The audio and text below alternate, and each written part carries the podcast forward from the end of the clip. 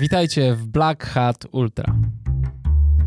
I, wtedy zrozumiałem, jakby zdałem sobie sprawę. To oczywiście dojrzewało już we mnie wcześniej, na przykład na Gobi, że istnieje coś takiego jak piąta strona świata i, i to jest mój ulubiony kierunek wędrówki. I ta piąta strona świata po prostu znajduje się we mnie. I to był ten moment przełomowy, czyli ta wyprawa wzdłuż Wisły w trakcie pandemii, kiedy po raz pierwszy doświadczyłem tego, że ja nie muszę jechać na pustynię Gobi, na Alaskę, na Yukon, aby przeżyć wyjątkową przygodę, poznać fascynujące historie i fascynujących ludzi, które zapamiętam do końca życia. I Wisła i kolejne wyprawy przez Polskę tylko mnie w tym fakcie mm, utwierdzały. To był Mateusz Waligura, a ja się nazywam Kamil Dąbkowski i witam Was w podcaście Black Hat Ultra. Mateusz chodzi, jeździ na rowerze, czasem pływa pakraftem, tam gdzie go serce i marzenia dziecięce poniosą. Jako pierwszy człowiek przeszedł samotnie mongolską część pustyni Gobi. Nie lubi podróżować, ale lubi być w drodze. Tej swojej, wymarzonej i zaplanowanej. W drodze przed siebie, ale również w drodze w głąb siebie, którą nazywa piątą stroną świata. Zaprosiłem Mateusza, aby porozmawiać na temat wypraw polarnych. W 2016 roku przeszedł przez płaskowyż Hardagervida. Dwa lata temu razem z Łukaszem Superganem przeszedł przez Grenlandię. A rok temu, jako czwarty Polak, doszedł do bieguna południowego. Mateusz jest podróżnikiem bardzo świadomym tego, że wyprawy, aby mogły być paliwem dla kolejnych, trzeba dobrze opowiedzieć medialnie. Dlatego zawsze dba o to, aby mieć z wypraw świetne zdjęcia, artykuły i książki. Mateusz rewelacyjnie opowiada, a jego wystąpienia na festiwalach czy podcasty są zawsze niezwykłe. Swoje dziecięce marzenia spełnia jedno za drugim, odhaczając z tej dziecięcej listy coraz to więcej projektów. Już niedługo wyruszy w podróż na Mount Everest, nietypowo, bo z poziomu morza. W podcaście usłyszycie, jak Mateusz podchodzi do ryzyka. Rozmawiamy o technikach poruszania się w klimacie polarnym, wspominamy o kontrowersjach niektórych osiągnięć, o wybitnych współczesnych polarnikach i o kilku postaciach i wyprawach historycznych. Posłuchajcie. Cześć Mateusz, witam cię serdecznie. Cześć. Dziękuję za przyjęcie zaproszenia. E, to bardzo miłe, że, że pojawiłeś się u mnie w studiu. Mam do ciebie na początek takie trochę dziwne może pytanie. W czym uważasz, że jesteś mocny? Nad jakimi cechami swojego charakteru pracujesz? A e, co kompletnie odpuściłeś i stwierdziłeś, to już takie będzie do końca i godzę się z tym, jak jest? No, trudne pytanie na początek. Zastanawiam się, jakie będą kolejne.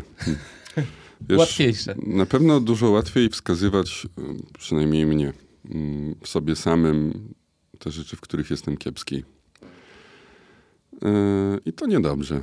I to jest właśnie to, nad czym pracuję, czyli taki pesymizm w stosunku do siebie i, i tak czasem brak wiary w swoje możliwości. Mm, więc zacznę od tego, w czym jestem dobry. Wydaje mi się, że moją największą mocą, moim talentem jest wyobraźnia. I to jest wyobraźnia budowana przez lata. Mm, już jako dziecko potrafiłem podróżować, nie ruszając się z fotela. Później troszeczkę mi y, rzeczywiście tego fizycznego przemieszczania się ciała brakowało i, i dlatego ruszyłem w drogę. Natomiast nadal potrafię usiąść e, w fotelu, e, wziąć sobie dobrą książkę. E, nie zawsze musi być to książka podróżnicza, albo włączyć muzykę, którą lubię i przenieść się swoimi myślami w dowolne miejsce na świecie, w tym samym czasie wymyślając rzeczy, które sam chciałbym i mógłbym zrobić. I wydaje mi się, że właśnie dlatego ta wyobraźnia e, była ważna w moim życiu, bo te wyobrażenia z czasów dziecięcych, młodzieńczych nie zniknęły we mnie. Trwają nadal i, i może to świadczy o tym, że nigdy nie dojrzeję, nigdy nie dorosnę. Zawsze będę takim dzieciakiem, który goni za, za tymi marzeniami z najwcześniejszych lat. No ale taki już mój urok. Czy jeszcze któryś z tych marzeń, jakiś ptaszek do odhaczenia jeszcze został na liście? Oj, tych ptaszków jest trochę. Wiesz, ja kiedy byłem młodym człowiekiem i wyobrażałem sobie, że będę podróżował, to zawsze myślałem, że chcę odwiedzić każdy kraj na świecie, być w tak wielu miejscach, w ilu to będzie tylko możliwe. Dziś już tak kompletnie nie mam. Yy, I lubię wracać. Lubię wracać w miejscach, w których już byłem, mm, aby sprawdzić, jak się zmieniły. I aby też sprawdzić, jak zmieniłem się w tym czasie ja i czy te miejsca nadal jakoś ze mną rezonują. Niemniej jednak moje marzenia dotyczące podróży, wypraw, przygód pozostają od kilku lat niezmienne. Mm, wiem, że podróżników możemy podzielić na tych, którzy absolutnie nie dzielą się swoimi planami. Uważają, że, że jest to nie w porządku, bo ktoś może się tym pomysłem zainspirować. Ja nie mam już żadnych przełomowych rzeczy w swoim życiu, które chciałbym zrobić. Wszystkie mm, moje plany związane są z tym, co zostało już zrobione, więc nie mam absolutnie problemu z tym, aby się nimi dzielić. Mm, no, takim marzeniem e, od wielu lat jest e, dotarcie do trzech skrajnych punktów na Ziemi, czyli bieguna południowego, Mount Everestu i bieguna północnego. Mm, czy uda się z tym ostatnim, tego nie wiem. Na biegun południowy Doszedłem w ubiegłym roku, 13 mm, stycznia w piątek. Łatwo to zapamiętać, nawet jeśli nie było się na tym biegunie we własnej osobie. Natomiast próbę wejścia na Everest podejmę już niebawem, bo mm, na początku marca wyruszę w podróż, która, która obejmuje między innymi wejście na, na, na, Mount Everest. Czy się to powiedzie? Tylko czas może to pokazać. No tak, no ale ty raczej doskonale przygotowuje się do swoich wypraw. Szansa, że, e, że coś pójdzie nie tak jest dosyć mała. Czy w ogóle, jak ty podchodzisz do ryzyka i do planowania? Znaczy wiem, że planujesz bardzo skrupulatnie, mhm. ale na przykład e, do ryzyka jak podchodzisz? I je, czy masz jakiś plan B e, na różne rozwiązania? Podpowiedziałeś mi moją kolejną mocną stronę, mm, czyli skrupulatność w planowaniu. I takie grzebanie pod tą pierwszą warstwą w poszukiwaniu tej drugiej, która na pewno tam jest. Ja w zasadzie nie wyruszam na te wyprawy bez planu B, a nawet planu C. Mm, I tak było dotychczas. Kiedy przyjrzymy się takiemu przekrojowi tych moich wypraw, to zobaczymy, że one bardzo się od siebie różniły. Były to wyprawy przez e, pustynię, e, pieszo, z wózkiem, na rowerze, Mm, były to wyprawy przez pustynie polarne z saniami na rakietach śnieżnych, z sankami polarnymi. Ostatnio była to też wyprawa, mm, w trakcie której nieco płynąłem na pakrafcie, nie potrafiąc pływać. Mm, po jeziorze czy po rzece? Po Odrze. Mhm. Maszerowaliśmy razem z Dominikiem Szczepańskim wzdłuż Odry, część drogi pokonując pieszo, a część spływając na pakraftach. I było to dla mnie ogromne przeżycie. Niemniej jednak, y, kiedy przyjrzysz się temu przekrojowi, to zobaczysz, że jednak większość tych wypraw zakończyła się osiągnięciem zakładanego celu. Ja wiem, że to szczęście po pierwsze się skończy kiedyś. Po drugie, myślę, że ten sukces e, wynika właśnie ze skrupulatnych przygotowań. Mm, przygotowanie takiej wyprawy jak pustynia Gobi. No to były trzy lata poświęcone na zaplanowanie tej wyprawy, stworzenie wózka, przygotowanie trasy, znalezienie map, jakby stworzenie wszystkiego od zera. To była na pewno taka najbardziej, nie chcę tutaj epatować mocnymi słowami, ale w pewnym sensie wizjonerska wyprawa w tym moim dorobku, bo wszystkie te rozwiązania musiałem wypracować od podstaw. Mm, a podchodzenie do ryzyka zmieniało mi się na przestrzeni lat. Bo mm, jeszcze 10 lat temu kiedy nie udawało mi się wejść na jakiś szczyt, albo musiałem się wycofać, i, i ta decyzja o wycofaniu się z wejścia na, na jakąś górę nie była spowodowana tym, że ja się źle czuję, tylko na przykład źle czują się partnerzy, z którymi idę, to powodowało to we mnie frustrację. Ta frustracja nie dawała mi spokoju. I chyba najlepszym przykładem Mm, takiej wyprawy był przejazd na fatbajku mm, szlakiem Canning Stockroot w Australii, mm, uchodzącym za jeden z najtrudniejszych szlaków na świecie. I rzeczywiście to była najbardziej wyczerpująca fizycznie wyprawa w moim życiu. I pierwsza próba się nie powiodła. I tak bardzo to tkwiło we mnie, e, że pomimo wszelkich przeciwności, pomimo wszelkich zmian, które nastąpiły w moim życiu, ja i tak zdecydowałem się podjąć drugą próbę już po roku zakończoną e, już e, szczęśliwie i myślę, że też w dużej mierze to szczęśliwe zakończenie wynikało z wniosków wyciągniętych z porażki. E, dzisiaj już na Canning Stockroot bym nie, nie, nie, nie pojechał. Dlaczego? Mam dwójkę dzieci. A, czyli jednak jest niebezpieczne. To, ba, to była Bardzo. bardzo, niebezpieczna wyprawa. Mm, A na czym największe niebezpieczeństwa polegały? Na tym, że jest to jedno z najbardziej odludnych miejsc na Ziemi, do którego mm, dotarcie pomocy zajęłoby wiele dni. Zagrażają ci powodzie na pustyni. Ja wiem, że to brzmi dosyć egzotycznie, ale tak rzeczywiście jest. Pożary, ukąszenie jadowitych węży, a te naprawdę w Australii występują. To nie jest tak, że tylko nas się straszy w programach na Animal Planet. Mm, odwodnienie, e, możliwość zgubienia się na tym szlaku. Można tak wyliczać naprawdę No tak. dosyć długo. Czyli ile dni tam byłeś bez dostępu do cywilizacji? Ym, Wyobraź sobie, że wsiadasz na swojego fatbajka w Warszawie, próbujesz dojechać do Rzymu i po drodze spotykasz tylko jedną niewielką aborygeńską osadę. Poza tym nie ma nic. To chyba jest nieco jest- le- lepsze niż epatowanie liczbami. E, tak.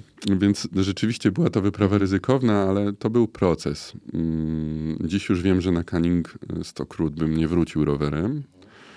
E, Natomiast e, zauważyłem, że od kiedy, na, na, od kiedy jestem ojcem, to podjęcie decyzji o zrobieniu kroku wstecz w momencie, kiedy widzę, że to trochę wymyka się spod mojej kontroli, przychodzi mi dużo łatwiej. I taka umiejętność zrozumienia tego, ta góra tu będzie za rok, ona tu będzie nawet jak ciebie już nie będzie, albo czy ta pustynia, czy ten szlak, zawsze możesz tu wrócić, przygotować się lepiej, nie akceptować tego ryzyka, nad którym nie jesteś w stanie w żaden sposób zapanować i nie obejmuje go twój plan B i C, no to po prostu się wycofuje. No jasne. To jeszcze opowiedz o jakiejś cesze swojej, e, nad, którą już odpuściłeś, która wiesz, że nie jest mocna, ale już tyle razy próbowałeś, że, że dzięki. Hmm. Nie jestem systematyczny, co może Hmm. w pewnym sensie przeczyć tej skrupulatności. Właśnie. Mm, ale rzeczywiście może mam problem też z ustawianiem priorytetów, Mm, bo w momencie, kiedy muszę przygotować się mm, do jakiejś wyprawy, to całkowicie się temu poświęcam. I w tym momencie ta wyprawa staje się moim priorytetem i, i z tego powodu zaniedbuję inne ważne rzeczy w swoim, w swoim życiu. Mm, Najczęściej związane ze swoim zdrowiem. Innymi słowy, wyprawy bardzo mocno eksploatują mój organizm. Ja nigdy nie kalkulowałem tego mm, w taki sposób. Jakby przed wyruszeniem na wyprawę nigdy nie, nie zadaję sobie takiego pytania, czy to mi się opłaci. Bo to jest bez sensu. Jadę na kolejną wyprawę, bo bardzo chcę na nią pojechać i i niestety przychodzi taki moment i powoli chyba do mnie e, przyszedł e, już jakiś czas temu, dokładniej rzecz biorąc po wyprawie na pustynię Gobi, która dużo zmieniła w mojej głowie, mm, że nie tyle zastanawiam się, czy wyprawy więcej mi dały, czy zabrały, a bardziej myślę o tym, ile jeszcze mogę zrobić. Bo przed e, wyruszeniem na Gobi, a to była wyprawa, w trakcie której e, dobrze, tu już powiedzmy liczby, przeszedłem 1785 chyba kilometrów, ciągnąć, wó- ciągnąc za sobą wózek, e, którego waga czasem, e, gdy był załadowany zapasami wody, przekraczała 250 kg. To była bardzo wyczerpująca i eksploatująca mój organizm mm, trudność, wyprawa, przedsięwzięcie. Ja w ciągu dwóch miesięcy marszu straciłem 24 kg masy ciała. I kiedy wróciłem absolutnie wykończony niemal do cna mm, do domu, to nagle sobie zrozumiałem, że w mojej głowie zmieniła się jakaś zapadka, co, coś, coś się zmieniło. I, I nie myślę już o tym, tak jak myślałem o tym przed wyprawą na pustyni Gobi, ile jeszcze rzeczy chciałbym zrobić.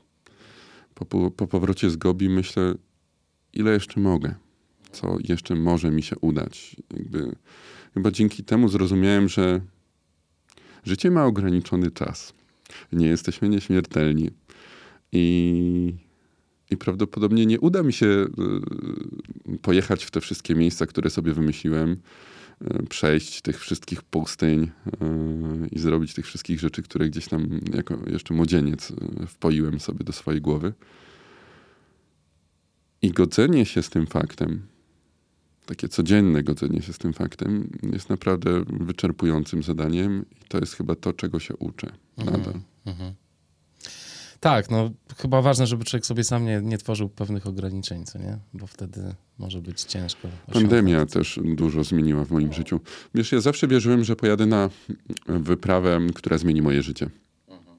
Która będzie taką wyprawą jak biegun południowy dla Amundsena, jak tryf północny Framem dla Nansena, jak wejście na Everest dla Malorego. Że to wyprawy, które w jakiś sposób ich zdefiniują już na zawsze. I rzeczywiście tak stało się z pustynią Gobi, tylko w sposób kompletnie dla mnie nieoczekiwany. Ta wyprawa zmieniła moje życie, a potem y, to życie w pewnym sensie i podejście do podróży zmieniła pandemia. Bo tuż przed wybuchem pandemii w 2020 roku ja byłem już spakowany. Y, Dwa miesiące po rozpoczęciu się pandemii w Polsce miałem wyruszyć do, do Australii, aby spróbować przejść cały kontynent z północy na południe ponownie ciągnąc za sobą taki wielki i ciężki wózek. No i co? I nic. I nic z tego nie wyniknęło. I pamiętam dokładnie taki moment, kiedy wszedłem na antresolę w swoim mieszkaniu, w której, które stanowi najczęściej magazyn sprzętu wyprawowego. Spojrzałem na te spakowane torby i zrozumiałem, że źle ustawiłem swoje życie. Że to, co chciałbym zrobić teraz, to mm, zasnąć i obudzić się za rok bo w perspektywie najbliższego roku nie czeka mnie nic, co było dla mnie atrakcyjne. I wtedy zrozumiałem, że, że tak nie może być, że nie mogę być w, w 100% skoncentrowany na celu, kiedy e, dana wyprawa, tudzież ten cel nie dochodzi do skutku, ja nagle nie wiem, co mam zrobić. Jestem totalnie zagubionym człowiekiem. I wtedy z pomocą przyszła mi Wisła. Mm, Jakby z dnia na dzień postanowiłem, że jeśli nie mogę przejść przez Australię, to przejdę przez Polskę. I szukałem jakiegoś przewodnika, czegoś, co mnie przez tę Polskę poprowadzi, jakiegoś klucza. I kiedy spojrzałem na mapę, to Wisła zdała się być naturalnym wyborem mojej drogi. No, połączy dwa przeciwległe krańce mm, naszego kraju, płynie całkowicie przez terytorium Polski, co też było symboliczne. Poza tym był to rok, w którym dosyć mocno zmagaliśmy się i cały czas się zmagamy, tylko się o tym nie mówi. Wówczas o tym mówiono naprawdę dużo z suszami. Ja w ogóle nie wiedziałem o tym, na czym polegają te susze, dlaczego patrzę przez okno, a tam pada deszcz, a tutaj w telewizji mi mówią, że mamy suszę niespotykaną od 30 lat. I więc uznałem, że ruszę mm, przez, przez Polskę wzdłuż Wisły i będę rozmawiał z naukowcami, z ludźmi, którzy nad tą Wisłą mieszkają, o co chodzi z tą rzeką, o co chodzi z tymi suszami. I, I właśnie nad Wisłą zrozumiałem, że w moich podróżach tak naprawdę liczy się sam akt wędrowania, sam akt bycia w drodze, tych dwóch komplementarnych wędrówek, tej wędrówki ciała, kiedy mogę ją bardzo łatwo opisać. E, Mateusz Waligura przeszedł 1200 km wzdłuż Wisły, schód e, 10 kg i szedł 46 dni, do przykładu. E, Ale tej drugiej wędrówki, która jest w nas, wewnątrz, e, która odbywa się w tym czasie, gdy jesteśmy w miejscu pozbawionym ludzi albo po prostu w, w naturze. Nic nie mm, zagłusza tych naszych myśli, nie ma tego wszystkiego, na co jesteśmy narażeni codziennie. Nie przyglądasz cały czas telefonu, nie, nie, nie, nie, nie, nie, wiem, nie oglądasz YouTube'a, telewizji, nie słuchasz radia. Jesteś ty i natura i nagle twoje myśli zaczynają wędrować gdzieś tam do środka. I, i wtedy zrozumiałem, jakby zdałem sobie sprawę, mm, to oczywiście dojrzewało już we mnie wcześniej, na przykład na Gobi, że istnieje coś takiego jak piąta strona świata i, i to jest mój ulubiony kierunek wędrówki. I ta piąta strona świata po prostu znajduje się we mnie. I, I to był ten moment przełomowy, czyli ta wyprawa wzdłuż Wisły w trakcie pandemii, kiedy po raz pierwszy doświadczyłem tego, że ja nie muszę jechać na pustynię Gobi, na Alaskę, na Yukon, aby przeżyć wyjątkową przygodę, poznać fascynujące historie i fascynujących ludzi, które zapamiętam do końca życia. I Wisła i kolejne wyprawy przez Polskę tylko mnie w tym fakcie mm, utwierdzały. Więc to moje podejście do podróżowania, mm, do ryzyka, mm, bardzo zmieniało się na przestrzeni ostatnich lat.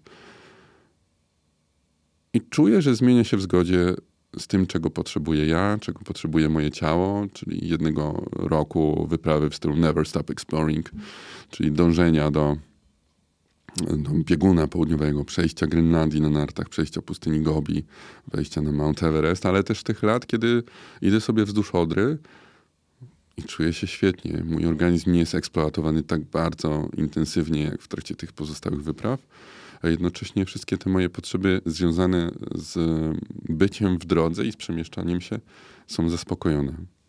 I to jest super. To jest, y, trochę mi to przypomina to, co mówiłeś wcześniej o tym, że jako dziecko podróżowałeś w wyobraźni, e, potrzebowałeś tak bardzo niewiele, żeby odbyć ogromną podróż. To podobnie trochę jest z tą Wisłą. Też tak naprawdę wiele nie potrzebowałeś. Po prostu Ruszyłem, założyłeś buty ruszyłem z dnia na dzień w zasadzie. No właśnie, no właśnie. Bez przygotowania.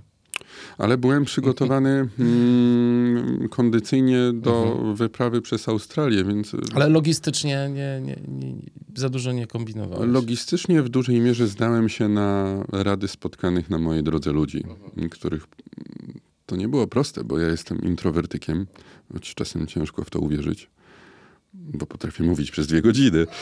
Mm, Niemniej jednak e, to przełamanie się i próba wyjścia do spotkanego na mojej drodze człowieka. No bo chyba wszystkie te miejsca, przez które podróżowałem dotychczas łączy fakt, że są to zazwyczaj miejsca odludne. Mm, A tutaj, tutaj miało być inaczej.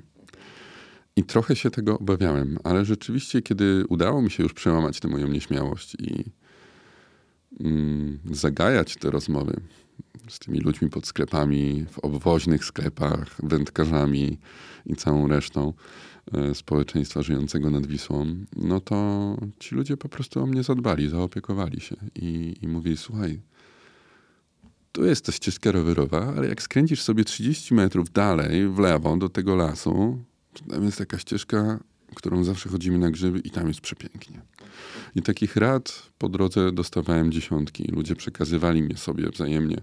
Ta społeczność wodniaków związanych z Wisłą jest dosyć duża w Polsce. I ja wiedząc, będąc w Sandomierzu, wiedziałem, że ktoś y, poprowadzi mnie dalej, przeprowadzi mnie przez Warszawę albo odbierze w Toruniu, pokaże, y, opowie o tej rzece. Mm, To było takie trochę zdanie się na to, co przyniesie droga, też było doświadczenie w pewnym sensie wyzwalającym. I mm, zaskakujące było też to, jak, jak dla wielu osób ta Wisła okazała się ważna. Ku mojemu i wszystkich zaskoczeniu. Mm, Potem próbowaliśmy znaleźć odpowiedź na pytanie, dlaczego tak się stało, dlaczego tak tą wyprawą na przykład zainteresowały się media, Mm, bo ona była relacjonowana na bieżąco w mediach i mm, wydaje mi się, że po części było to związane z tym, że łaknęliśmy pozytywnych wiadomości i pozytywnych informacji.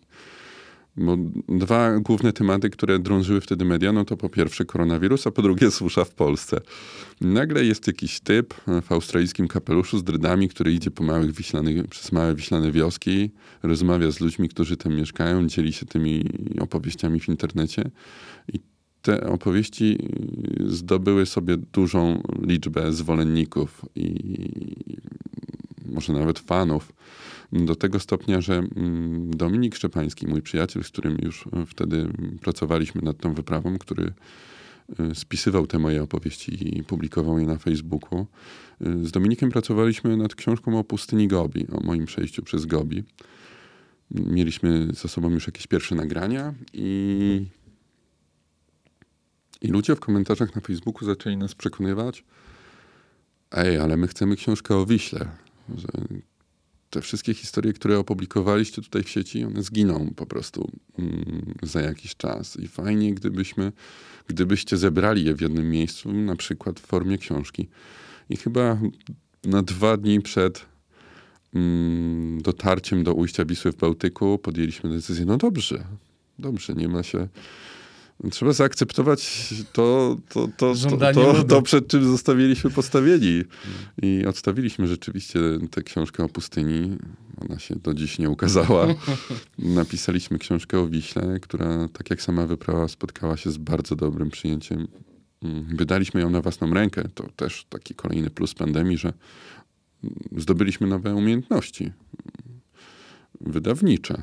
Jakby poznaliśmy, Dominik jest autorem, który napisał kilka książek górskich, które sprzedały się w łącznym nakładzie ćwierć miliona sztuk, egzemplarzy. Natomiast jego znajomość dotycząca tego, jak wydawane są książki, moja także, bo ja już wcześniej także wydawałem książki u innych wydawców.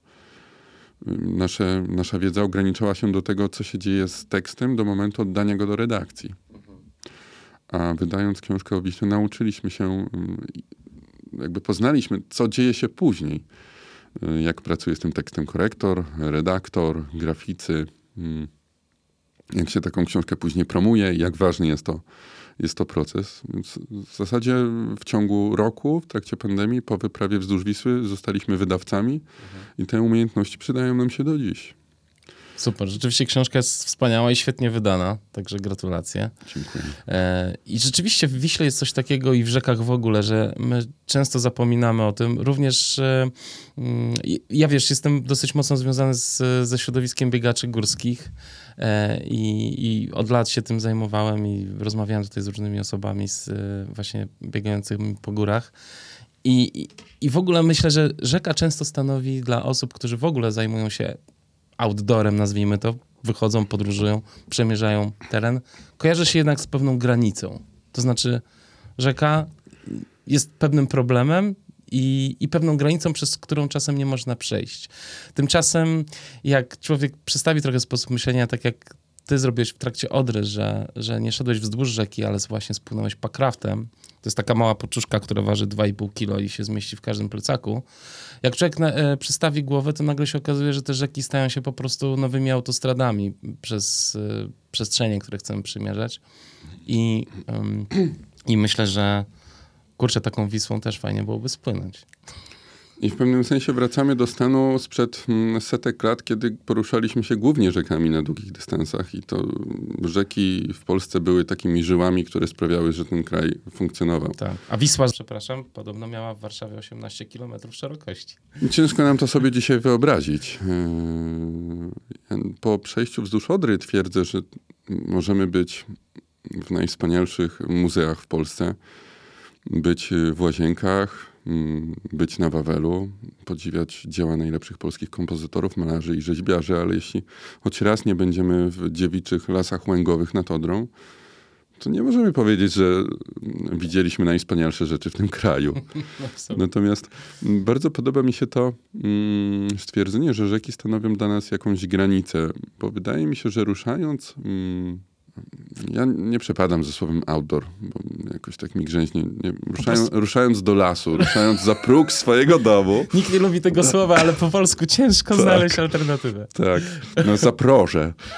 Napotykamy wiele takich granic i spostrzeżenie w tych na pierwszy rzut oka granicach swoich sprzymierzeńców zajmuje trochę czasu, ale jesteśmy w stanie się do tego przyzwyczaić. Dzisiaj mm, przed spotkaniem z tobą rzadko mam taką okazję, bo od 17 lat już nie mam telewizora, ale mając dostęp do telewizora często sprawdzam, co się w świecie dzieje naprawdę, bo oczywiście na pewno żyję w jakiejś bańce i dzięki dostępowi do telewizora mogę z tej bańki wyjść i zobaczyć, jak żyją prawdziwi ludzie. Mm, byłem świadkiem prognozy pogody. No i urocza pani pogodynka starała się na wszelkie możliwe sposoby przekonać e, Polaków, żebyśmy się nie załamali, ale dziś będzie padał deszcz. I ja też nie lubię deszczu, szczególnie wtedy, kiedy jestem na zewnątrz, ale deszcz jest nam tak bardzo potrzebny, że mm, tam zmiana związana z akceptacją tego, że pada, jest to stan naturalny i można nawet polubić wędrowanie w deszczu, co może wydawać się dosyć dziwne.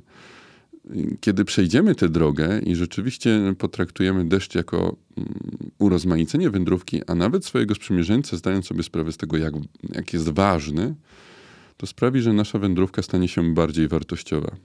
Hmm. I szczerze powiedziawszy, chyba najlepiej ze swoich podróży przez Polskę zapamiętałem dni deszczowe.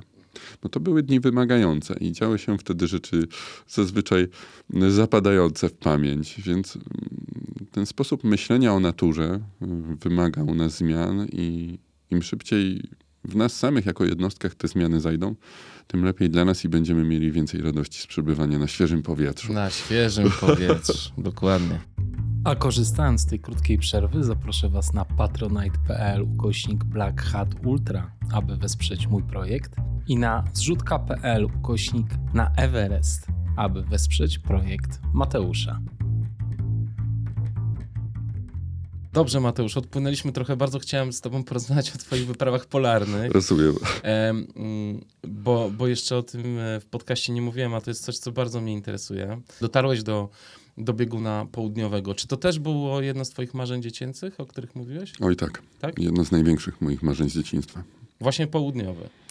Czy Oba, o, oba, bieguny? oba, oba bieguny, natomiast no, południowy jest w tym momencie w zasięgu, czego nie można powiedzieć o północnym ze względów logistycznych, więc południowy był dla mnie mm, naturalnym wyborem.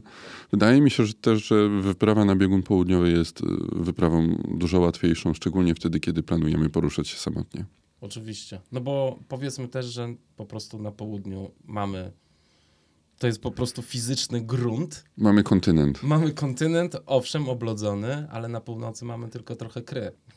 Mamy ocean pokryty, Tak, o- pokryty lodem. tak. I tak jak na Antarktydzie mm, jednym z największych zagrożeń dla samotników y, są szczeliny w lodowcu, mm, tak y, Ocean Arktyczny jest jedną wielką szczeliną. A jakość lodu z roku na rok y, nie poprawia się, może tak. Bardzo chciałbym wrócić do północy, ale to potem. Opowiedz najpierw o tym, e, o, o Antarktydzie. Mhm. E, bo to nie jest wcale takie łatwe się tam dostać. Tak jak opowiadałeś w jednym z podcastów, trzeba e, się zakwalifikować na taką wyprawę. Jest jedna firma amerykańska chyba, Antarctic Logistic and Expeditions, jeśli dobrze Bardzo pamiętam, dobrze. Która obsługuje transport e, turystów i podróżników z Punta Arenas na Antarktydę. I ta firma, powiedz, to jest tak, że oni decydują rzeczywiście, to do nich zgłaszasz y, prośbę, ej, słuchajcie, chcę przejść przez Antarktydę, a oni ci mówią, ej, stary, ale co ty w życiu zrobiłeś, że chcesz przejść przez Antarktydę i ty wtedy mówisz, no właśnie, co te- wtedy mówisz? To jest prywatny biznes, m, który dba o swoje interesy, a jakikolwiek e, wypadek wyprawy, która jest obsługiwana przez ten biznes, bo oni tak naprawdę zajmują się organizacją logistyki takich wypraw, no nie działa dobrze na ich korzyść, więc oni dbają o to, aby do takich wypadków absolutnie nie dochodziło i ta te kwestie bezpieczeństwa są dla nich kluczowe. To, co ma największy wpływ na twoje bezpieczeństwo, kiedy idziesz samotnie przez Antarktydę, jest każdy dzień spędzony wcześniej na lodzie i suma Twoich doświadczeń, więc jest to dla nich bardzo ważne. Jeśli nie masz y, doświadczeń w wyprawach polarnych, nie wiem, jesteś youtuberem, który mm, wymyślił, że a, w ubiegłym roku wszedłem na Everest, to może w tym roku pojadę na Antarktydę i dojdę do bieguna i zrobię o tym serię filmów, no to nie zostaniesz na taką wyprawę przez nich zabrany. A nie masz alternatywy, chyba że masz swój polarny jacht, którym jesteś w stanie to zrobić, co jednak zdarza się niewielu, nawet youtuberom. Więc y, nie obejdzie się tutaj bez wielu, wielu dni spędzonych na, na lodowcach w trakcie wypraw polarnych, na nartach i ciągnięcia sań za sobą. I dla ciebie taką wyprawą kwalifikacyjną była Grenlandia. Ja miałem już wcześniejsze doświadczenia związane z lodowcami w górach wysokich. Mm, Doświadczenia związane z wyprawami na Hardangerwidę dwukrotnie. I bazując na sumie tych moich doświadczeń, ja zostałem przez Ali, ale, mówmy ale po prostu, przez tę przez tę firmę, zakwalifikowany od razu. Okej. Mm, Więc mogłem jechać na biegun południowy bez, mm, bez tej wyprawy na Grenlandię. Myślę, że tutaj duże znaczenie miał też fakt, że wszystkie moje wyprawy to nie były wyprawy komercyjne. Ni- Nigdy nie byłem prowadzony przez przewodnika. Zawsze były to wyprawy w takim stylu, który nazywa się w tej branży unsupported. Choć nikt nie wie do końca, co to znaczy. Mm, I takie wyprawy jak y, pustynia Gobi, jak te pustynie w Australii, to przebywanie w samotności to miało bardzo duży wpływ mm, na ich podję- na, na podjęcie przez nich decyzji o tym, że y, będę w stanie temu podołać już y, bez tej Grenlandii. Natomiast dla mnie, no tak jak wspomnieliśmy, jestem mistrzem przygotowań i no, Grenlandia była wyprawą, którą ja i tak chciałem w swoim życiu zrealizować. To jest tak fantastyczny cel sam w sobie, że nie potrzebowałem żadnych dodatkowych y, powodów, dla których miałbym na tę Grenlandię pojechać. Więc nawet gdybym najpierw pojechał na biegun południowy, to i tak chciałbym przejść Grenlandię na nartach. Że mm, jest to jednak wyprawa dużo prostsza niż y, samotna wyprawa na biegun, bo, bo nie możesz pójść przez Grenlandię na własną rękę samotnie. Musisz, nie, nie, nie dostaniesz pozwolenia od rządu, więc musisz mieć partnera. No i taki minimalny zespół liczy dwie osoby, więc to było naturalne, że pójdę z kimś przez tę Grenlandię i wybór padł na, na Łukasza Supergana. Mm, no to wiedząc, że mogę przejść tę Grenlandię wcześniej, jednocześnie tutaj decydowały o tym takie względy logistyczne, bo kiedy chcesz iść w małym zespole bez przewodnika, bez wyprawy w cztery czy pięć osób, mm, musisz wpłacić depozyt jakby każda niezależna wyprawa musi wpłacić depozyt finansowy na, na poczet akcji ratunkowej. Musisz to mieć po prostu mm, zablokowany na koncie bankowym i ten taka gwarancja ubezpieczeniowa. I ona wynosi 150 tysięcy złotych. Więc y, jakby to było też naturalne, że przygotowując się do bieguna południowego, a była to wyprawa bardzo droga, y, mogłem część środków, które miałem już zgromadzone na, na wyprawę do bieguna, na czas Grenlandii przeznaczyć na ten depozyt bankowy. Innymi słowy, dysponowałem gotówką w wysokości 150 tysięcy złotych, więc to był idealny czas, żebym założył tę gwarancję, żebyśmy spróbowali e, wyruszyć tam właśnie w tym momencie. Mm, poza tym, no to Grenlandia jest doskonałym poligonem doświadczalnym przed samotnymi wyprawami dużymi gdzieś na Antarktydzie czy w Arktyce. Mm, więc uznałem, że mogąc sprawdzić tam siebie, ekwipunek, dokonać korekt w tym sprzęcie nabywając całą tę wiedzę, która na pewno przyda mi się na, na biegunie, y, uznałem, że jest to doskonały pomysł i teraz z perspektywy czasu wiem, że to był świetny wybór, bo dużo nauczyłem się na Grenlandii. Wprowadziłem dużo zmian w swoim podejściu do, wypra do wypraw polarnych i to zaprocentowało na, na Antarktydzie. Mhm. A co na przykład zmieniłeś po tej Grenlandii? Jedzenie, wyżywienie. Tak, to, to była chyba największa zmiana. Z czego na co? Z chałwy na wszystko inne. Chałwa jest doskonałym pożywieniem dla polarników, bo nie zamarza. Natomiast wadę, że jest ultra słodka. I pamiętam, że kiedy umawialiśmy się z Łukaszem, e, co zabieramy do jedzenia, no to chałwa, orzechy, czekolada i liofilizaty. No i ja to zabrałem. No i jesteśmy na, na, na lądolodzie, siedzimy na saniach, a tutaj Supergan wyjmuje worek z jedzeniem i tam suszone mango, kandyzowane gruszki, jakieś mieszanki słonych orzechów. A ty od 30 dni wpieprzasz chałwę, czekoladę, orzechy i masz już dość. Na szczęście Łukasz jest e, bardzo wyrozumiałym partnerem wyprawy. Miał tego jedzenia też trochę mniej niż ja i kiedy kończyło mu się pod koniec, to robiliśmy, robiliśmy doskonałe deale, bo on jeszcze tę hałwę był w stanie w siebie wcisnąć. A ja z przyjemnością próbowałem suszonego manko i, i słonych orzechów dla przełamania tej słodkości, więc poradziliśmy sobie i, i, i rzeczywiście na Antarktydzie to jedzenie miałem dużo bardziej zróżnicowane i wziąłem dużo większy zapas masła. Mm, które jest bardzo kaloryczne, bo na Grenlandii mieliśmy chyba tego masła kilogram z niewielkim haczykiem. I był taki moment, że byliśmy w stanie to masło jeść po prostu jak batony. Mm, bo tak bardzo, tak duże było nasze zapotrzebowanie na tłuszcz, na kalorie. Mm, wymyśliliśmy nawet batony takie wyprawowe złożone ze smalcu z kwarków i jeszcze odrobiny masła. tak, tak, były to, były to dziwne pomysły, ale rzeczywiście e, tego masła na Antarktydę zabrałem ponad 4 kilogramy. Mhm. I, I tak było za mało. E, mieliście to podzielone na jakieś porcje codzienne? Czy... Tak, tak, tak? podzieliliśmy sobie. W ten sposób najłatwiej jest ci szacować to, ile jedzenia ci pozostało. Ja miałem to podzielone w paczki po jeden dzień. Myślę, że każdy się czegoś od siebie uczył, szczególnie na Grenlandii, bo ja miałem to podzielone w paczki na, jedzenie, na jeden dzień. Łukasz miał jeden worek z przegryzkami, jeden worek z czymś tam i tak dalej, i tak dalej. I i on liczył dużo częściej to swoje jedzenie, sprawdzał te worki, a ja patrzyłem na te worki i wiedziałem, ok, mam tyle. Już nie musiałem tego przeliczać za każdym razem.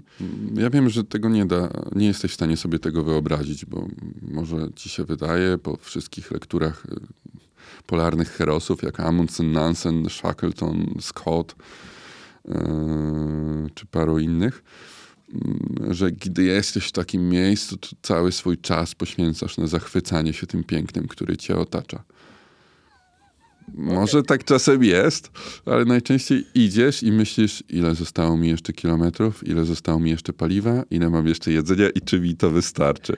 I ta kalkulacja jest, jest wykańczająca, ale w pewnym momencie całkowicie przejmuje twoje myśli i kiedy masz to popakowane w racje dzienne, to rzeczywiście dużo łatwiej jest to mm, sobie kalkulować. Na Antarktydzie też miałem to popakowane w dzienne racje, natomiast tam później musiałem troszeczkę kombinować, kiedy początek wyprawy był trudny i nie byłem pewien, czy uda mi się dojść do celu w założonym czasie no to zaczęło się przepakowywanie i tworzenie racji z racji.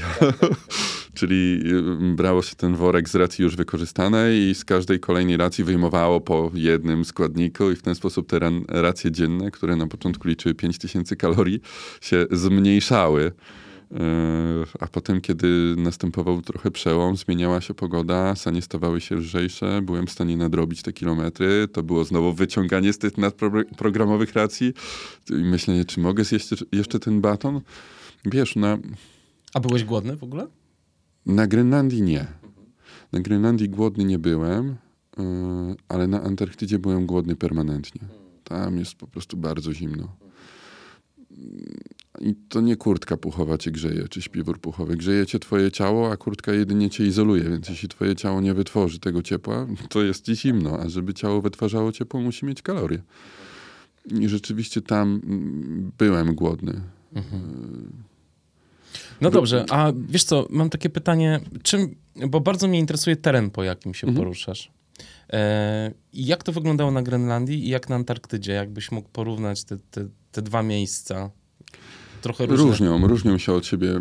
Układ Grenlandii w miejscu, przez które szliśmy, wyglądał, taki profil wysokości wyglądał tak, że najpierw wychodzimy cały czas do góry, do góry, do miejsca, które nazywa się Summit Point, najwyższe miejsce na naszej drodze i potem zaczyna się lekki spadek terenu, który przyspiesza wraz z kolejnymi dniami marszu. Wiedzieliśmy, że to, czego nie nadrobimy na początku, w trakcie wyciągania tych sań do góry, to oczywiście są wzniosy rzędu 130 metrów dziennie, ale kiedy ciągniesz za sobą sanie ważące 80 kg, a myślę, że te na Grenlandii były nawet nieco cięższe i to był błąd, ale mieliśmy trochę mm, rzeczy, które nie są niezbędne na wyprawie polarnej, na przykład drona. Ciągnęliśmy, ciągnęliśmy z sobą no to zdawaliśmy sobie sprawę z tego, że prawdopodobnie nadrobimy te kilometry już poruszając się po drugiej stronie wyspy, schodząc w dół do, do, do oceanu.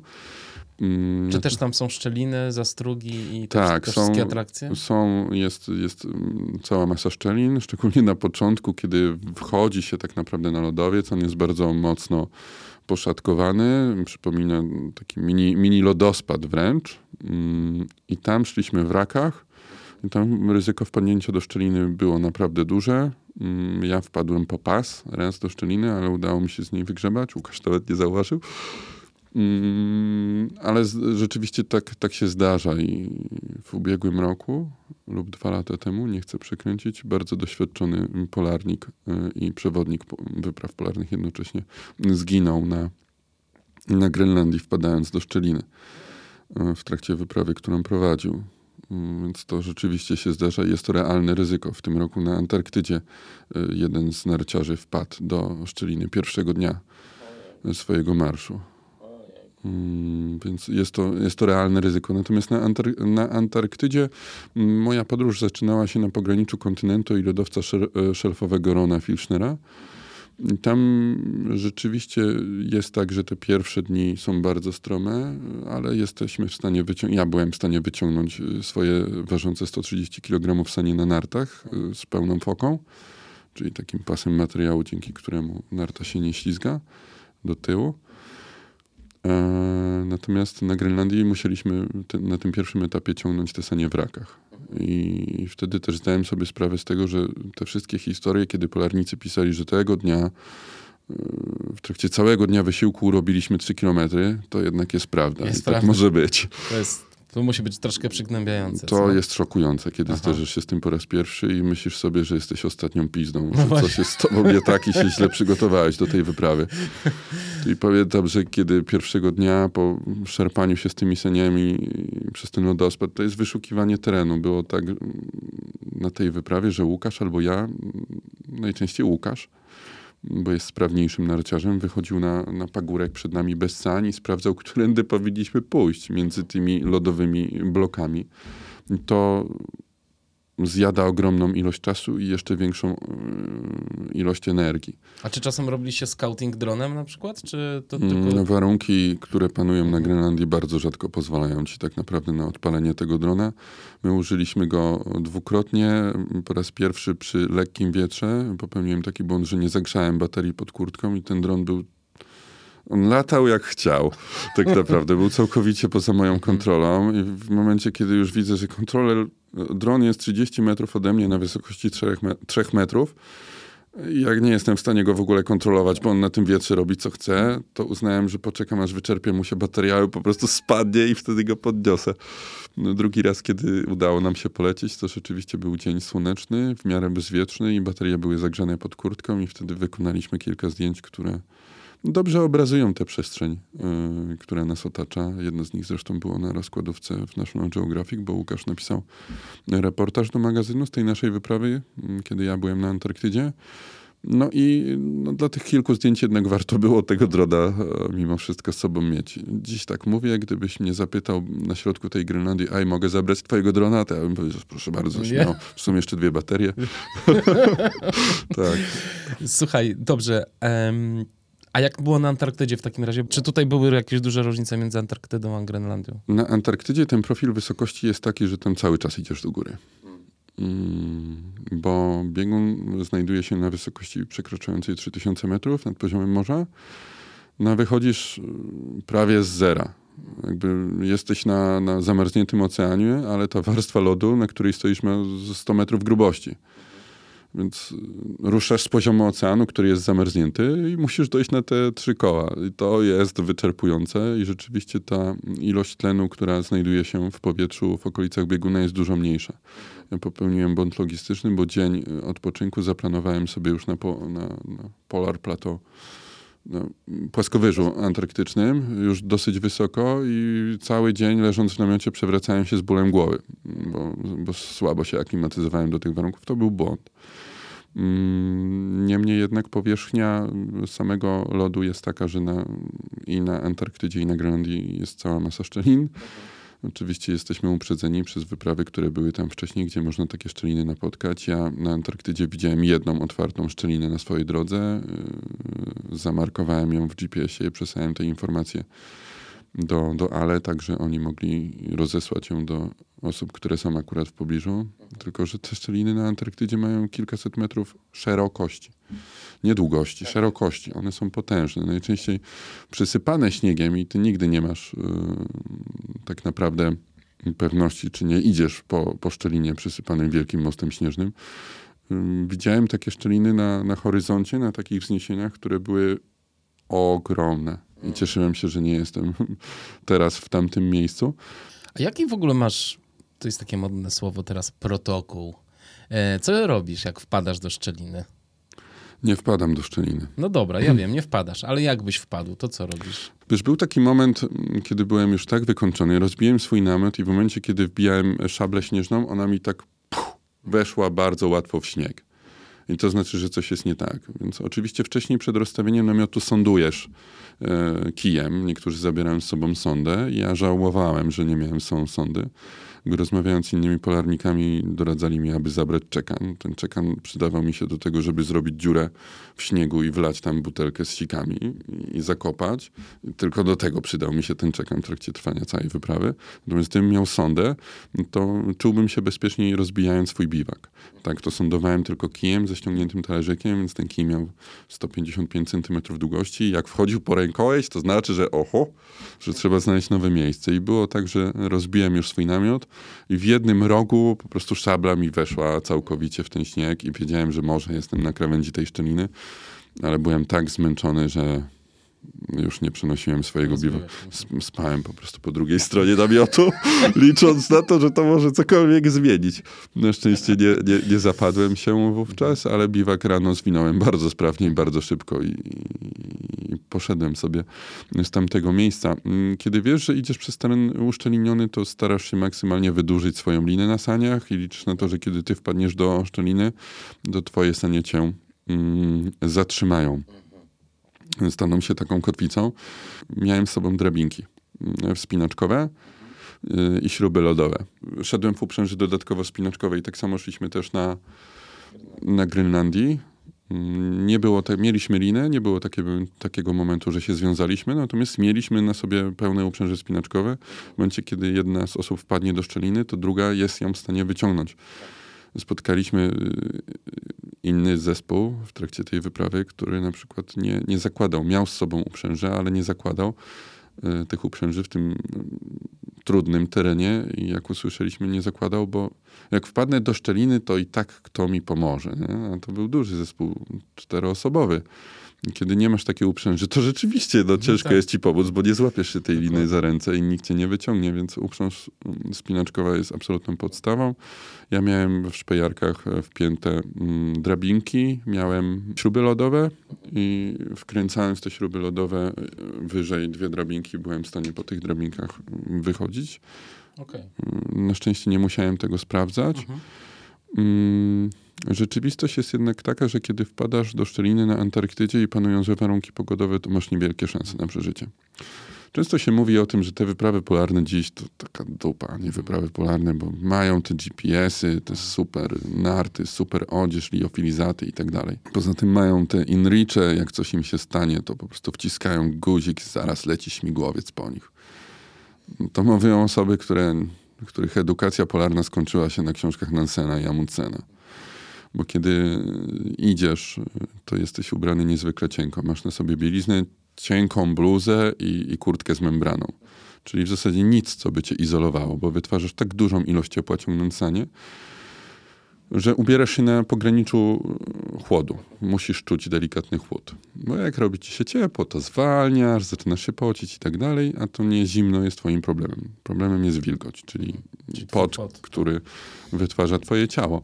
Więc w momencie, kiedy wpadasz do szczeliny, w której jest potwornie zimno, a warunki są złe, nawet jeśli twój inrich przebije się sygnałem przez szczelinę, to taki samolot w złych warunkach do ciebie nie przyleci. Te warunki mogą trwać dwa dni, dzień, tydzień, tego nie wie nikt. Ty już jesteś sopelkiem. A ty zamarzasz w przeciągu kilku godzin tak naprawdę w tej bo nie masz dostępu do swojej ciepłej kurtki puchowej, która jest na saniach. Więc ta kwestia tej pomocy, kiedy jesteś w szczelinie, jest naprawdę iluzoryczna. Więc o ogromnym szczęściu może mówić narciarz, który w tym roku wpadł pierwszego dnia, wychodząc z tej zatoki Hercules Inlet, z której ja ruszałem na, na pograniczu lodowca i szelfowego i, i kontynentalnej Antarktydy, bo to miejsce znajduje się niedaleko bazy Union Glacier, czyli tego miejsca, w którym, e, w którym znajduje się baza Ale. Więc rzeczywiście warunki pogodowe były dobre. On wydostał się sam z tej szczeliny, natomiast e, ten protokół, o którym wspomniałeś, e, bezpieczeństwa jest też taki, że żadne rzeczy nie mogą pozostać na Antarktydzie. Więc ten zespół przyleciał, e, żeby upewnić się, czy wszystko jest z nim w porządku. On został zabrany z powrotem do bazy, potem podjął drugą próbę. Jego celem było, to jest zresztą rekord prędkości dojścia do bieguna południowego w tym roku. Natomiast ten zespół też wydobył z tej szczeliny jego narty i wszystko, co mu tam powpadało, żeby rzeczywiście nic na tej Antarktydzie nie zostawało, bo dba się o to i uważam, że to jest ultra ważne, a widziałem, że nie wszyscy polarnicy, którzy w tym roku, kiedy ja zmierzałem do bieguna, dbali o tę czystość. Wiesz, moja wyprawa, jak sądzę, straciła status unsupported wielokrotnie w trakcie marszu do bieguna, bo na Dlaczego? przykład znalazłem M&M'sa na śniegu. To była wizja tak kusząca, jeszcze niebieskiego, nie? To w ogóle ulubione. Chociaż wszystkie smakują tak samo. To była wizja tak kusząca, że ja tego M&M'sa po prostu zjadłem. I, I już, już uzyskałem wsparcie na swojej wyprawie. Mm, ale nie potrafiłem zrozumieć, jak ludzie mogą zostawić takie rzeczy po sobie. Po drugie, nie, nie potrafiłem zrozumieć, jak ludzie mogą zostawić jedzenie. Jak jesteś permanentnie głodny i w łapawicach gdzieś tam grzebiesz za okruszkami czekolady w śniegu, które ci wpadły, jak znajdujesz M&M'sa, to tak jakbyś znalazł teruno. Nie? To jest to w ogóle robić dzień. I, i no, nie, nie, nie wszyscy niestety dbają o, o, o tę czystość też na ostatnim stopniu. Teraz z roku na rok coraz większą popularnością wśród e, łowców e, wszystkich rekordów i, i w ogóle tych fanów. e, Nie wiem. a może nie warto określać tej grupy jakkolwiek. No są osoby, które stawiają sobie jakieś cele, jakieś challenge. Mm, Takim popularnym celem czy challenge'em jest korona Ziemi na przykład. Teraz korona Himalajów powoli zastępuje tę koronę Ziemi, bo wszystkie góry są zaporęczowane. Yy, I, I w zasadzie ciężko się zgubić, jak się wypniesz, jak, jeśli się nie wypniesz z tej poręczówki. Niemniej jednak y, te osoby, które już osiągnęły ten swój challenge, zdobyły te wszystkie cele, te wszystkie szczyty z korony Ziemi, pewnie czują się usatysfakcjonowane przez 2-3 lata, a potem szukają kolejnych wyzwań i, i obserwuje się taki trend, że tymi wyzwaniami staje się właśnie trawers Grenlandii albo właśnie bieguny w opcji last degree, czyli ostatnie mm, 110 kilometrów, które pokonujesz do tego bieguna. I natłoczenie tych ludzi na last degree na biegunie południowym jest tak duże, że została wprowadzona zasada, która powinna obowiązywać na każdym ośmiotysięczniku, moim zdaniem. Na ostatnim stopniu, yy, kiedy chcesz zrobić siku, musisz to zrobić do butelki, następnie wylewasz to do otworu, który robisz w śniegu i zasypujesz, aby nie zostawić ze sobą śladu. Mm, Natomiast nieczystości stałe, czyli tak zwane dwójki, zabierasz z sobą do worka i, i transportujesz aż, aż do bieguna południowego. Teraz taka zasada została wprowadzona na Everestie. Jestem pewien, że nie będzie respektowana. To jest zasada, która funkcjonuje już na wielu górach na świecie, na Aconcagua, na Denali. Uważam, że przy rosnącej popularności tych gór to powinna być zasada, która obowiązuje już od dawna. Yy, No ale niestety jest tak, że idziesz do bieguna, jesteś w stanie nawigować nie po swoim kompasie, tylko po żółtych plamach na śniegu. I to wiesz, jest też tak, że te plamy nie znikają po, po sezonie, bo, bo napada trochę śniegu. Śnieg na Antarktydzie, to a propos też powierzchni, jest zupełnie inny. Ja pamiętam, że kiedy czytałem relacje polarników i, i oni pisali, że ten śnieg nie jest śliski, to tak myślałem, nie, no to jak śnieg nie śliski, przecież jakby się na sankach jeździło. Ale rzeczywiście śnieg na Antarktydzie jest suchy jak piasek. Ciągnięcie sań w takim mm, piasku przypomina trochę ciągnięcie opon y, na plaży. No więc można to sobie łatwo zasymulować. I, i ten śnieg y, często jest przebiewany po prostu. Więc ślady, żółte ślady na śniegu zostają na wiele lat. To nie jest tak, że one po sezonie już nie są widoczne. I, i, i rozmawiałem z pilotami Twin Otterów, którzy pracując dla ALE mm, transportują te grupy tych polarników, yy, którzy przechodzą ten ostatni stopień yy, do, na ten 89 stopień yy, i, i potem lecą do bieguna zabrać jakieś rzeczy, żeby nie lecieć na pusto i transportują to z powrotem na, do, do bazy Union Glacier, to oni widzą te żółte plamy po sikach z tych Twin Otterów. Niesamowite. Yy, No, więc... Nie, to nie spodziewałem się tego. Ja też nie spodziewałem się tego, że osoby, które bywają w takim miejscu, przykładają tak niewielką uwagę do tego, aby nie pozostawić po sobie śladu. Tak. Jest to rozczarowujące. W ogóle to fajny temat poruszyłeś, który też mnie trochę y, nie tyle męczy, ile zastanawia, bo wspominasz dużo o tych ekspedycjach sprzed 100 lat i mówisz właśnie teraz o sikach na Antarktydzie i się zastanawiam, jak w twojej głowie mm, zmienia się w ogóle pojęcie ekspedycji. Bo kiedyś, wiesz, no teraz masz, masz zmapowany cały świat przez satelity. Po prostu twoja, rozpoczynasz prawdopodobnie tworzenie trasy od wejścia w Google Earth i, i oglądanie po prostu każdego zakątka Ziemi. Kiedyś to było absolutnie niemożliwe. No, jak Amundsen lądował na Antarktydzie, to może miał jakieś notatki e, mm, od osób, które tam 30 czy 40 lat wcześniej były przez chwilę i, i zrobiły sobie krótką wycieczkę w głąb lądolodu ale nie wiedział nic ponad tym, a teraz ponadto, a teraz my wiemy po prostu strasznie dużo, możemy wyczytać, dowiedzieć się od innych osób, no zobaczyć właśnie w internecie zdjęcia, wszystko, mamy wszystko. E, plus, no byliśmy już prawie wszędzie chyba na tej planecie. Więc e, mam do ciebie pytanie, jak ty podchodzisz do słowa ekspedycja i jak dla ciebie się zmienia e, to słowo, czy się w ogóle nie zmienia, czy to jest to samo, co 100 lat temu? No, idziemy do przodu, więc to nie może być to samo, Hmm. co mieliśmy 100 lat temu. Zmieniły się nasze możliwości, ale dzięki temu jesteśmy w stanie podbijać skalę trudności tych wypraw. I wyprawa na biegun południowy w wykonaniu Amundsyna to było zaangażowanie tysięcy osób w organizację tej wyprawy. Mm, to było kilkanaście osób na statku Fram, który dopłynął do Antarktydy, pięć osób i kilkadziesiąt psów, które szły w stronę bieguna południowego. Z czego pięć osób wróciło. Psy już nie. Dzięki tym, tej nowoczesnej technologii, która polega na liofilizacji żywności, dzięki temu, że masz super lekkie ubrania, jesteś w stanie dojść do bieguna samotnie, będąc samowystarczalnym. Czy może być czystsze, bardziej spektakularne dojście do bieguna południowego niż No. wtedy, kiedy robisz to sam, No kiedy polegasz tylko na sobie i wydaje mi się, że doskonale wykorzystujemy te możliwości. Dzięki temu nie, nie zjadamy psów. E, nie musimy tego robić w wielkich, wielkich e, zespołach angażujących e, ogromne siły, ogromne środki też, bo to były wyprawy, które w przeliczeniu na obecne realia kosztowały kilkadziesiąt milionów złotych. Mm. Więc oczywiście korzystając rozsądnie y, z tych y, możliwości, które stwarzają nam technologie, które stwarza nam ten postęp technologiczny, y, jesteśmy w stanie robić fantastyczne rzeczy, jak Borgi Osland, który w 1997 roku przebył Antarktydę sam. Całą Antarktydę trasą, o której marzył o której marzył na przykład Shackleton. No, niedokładnie wyruszył z tego samego miejsca, ale zrobił to samotnie.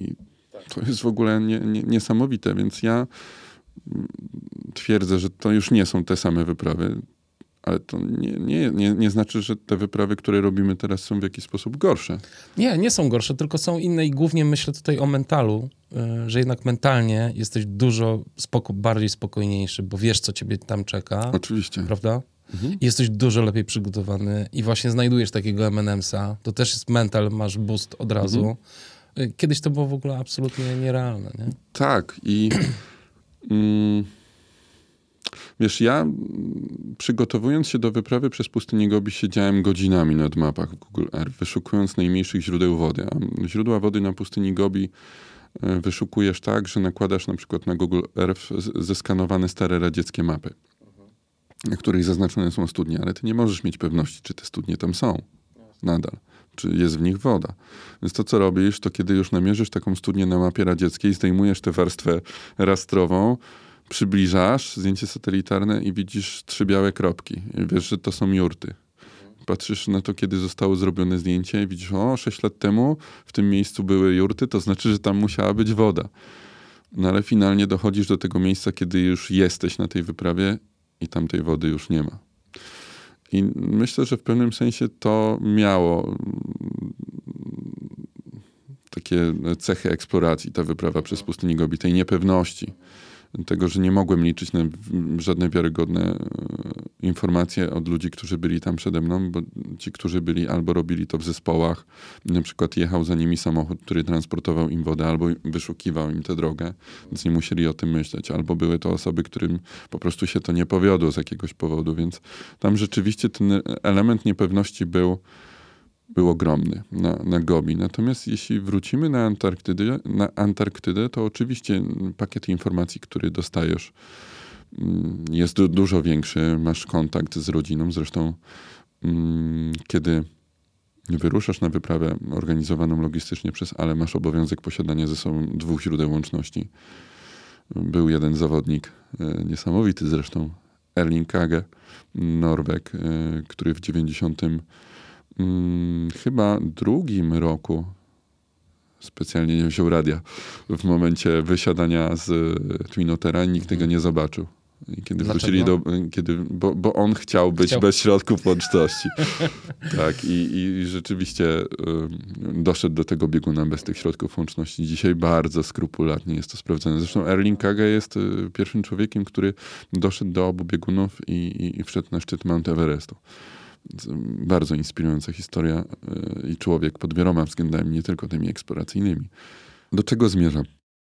Pomimo wiedzy, którą masz, temperatury na Antarktydzie nadal są tak samo niskie, wiatr jest tak samo dokuczliwy i, i szczeliny stanowią dla ciebie, szczególnie wtedy jesteś, kiedy, y, kiedy jesteś sam, takie samo zagrożenie. I wierzę, że to się nigdy nie zmieni. Jeśli, Miejmy nadzieję. jeśli są, są, są, ci, są ci młodzi chłopcy, młode dziewczyny, które marzą o tym, że kiedyś pójdą ślady polarników, o których czytali w książkach, to mam dla nich dobrą wiadomość, nadal mogą to zrobić. kwestia tego, jak będą o tym opowiadać.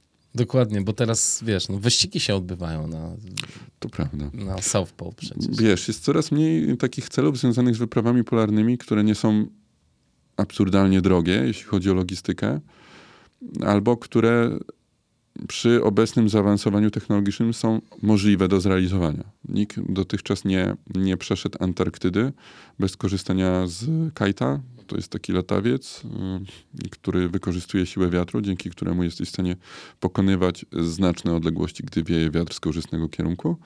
Czyli nikt nie powtórzył trasy Borgi Auslanda. On zaczął w 96, skończył w 97 roku, bo to było na przełomie, więc powiedzmy z 97 roku, tylko bez kajta. Bo to jest tak znaczna odległość, licząca kilka tysięcy kilometrów, że no, ciężko sobie wyobrazić transport żywności w No saniach. bo jeszcze unsupported to ma być. tak, prawda? tak, no. tak, tak. No Bo- tak, ale wiesz, p- pojawił się kilka lat temu taki Amerykanin Colin O'Brady, który y, właśnie twierdzi, że jako pierwszy w historii przebył Antarktydę mm, unsupported, tylko i wyłącznie z pomocą y, własnych mięśni, czyli bez kajtów, bez niczego. Notabene w tym samym roku zrobił to też Brytyjczyk Louis Root. Tak, oni to razem, bo oni się ścigali w ogóle. Tylko jaja polegały na tym, że jak porównasz, słuchaj, właśnie trasę przejścia Auslanda i trasę przejścia Colina O'Brady i Louisa Ruda, to, mm, to jest dwa razy krótsza. I Ausland zrobił to od brzegu wody do brzegu wody. Wszedł na, na lodowiec, nie na, nie na część kontynentalną Antarktydy. Zrobił ten zaczął- trawers razem z lodowcami szelfowymi. a Colin O'Brady sobie, wiesz, przycwaniaczył troszkę. Stwierdził, że no Ausland co prawda mm, zrobił ten crossing, ale wykorzystywał kajta, więc, więc miał support. A on postanowił e, uznać siebie jako za pierwszego człowieka, który przebył e, Antarktydę unsupported, nie wykorzystując kajta, ale na trasie dwa razy krótszej.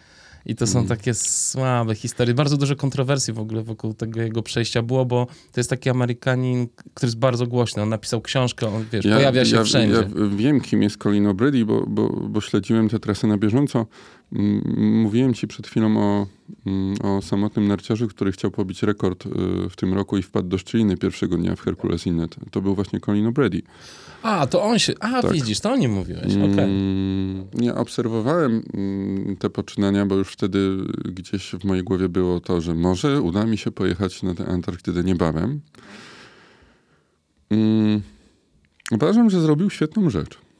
To przejście tej drogi, on szedł z punktu, który nazywa się Messner Point, mm, przez mm, biegun południowy do lodowca szelfowego Rossa, taką utwardzoną drogą przez stację McMurdo, którą dowozi się e, ze stacji, e, ze stacji mm, McMurdo, która znajduje się przy, mm, przy Morzu Rossa. mm, Dowożą zapasy materiałów e, żywności na, na stację e, na biegunie południowym.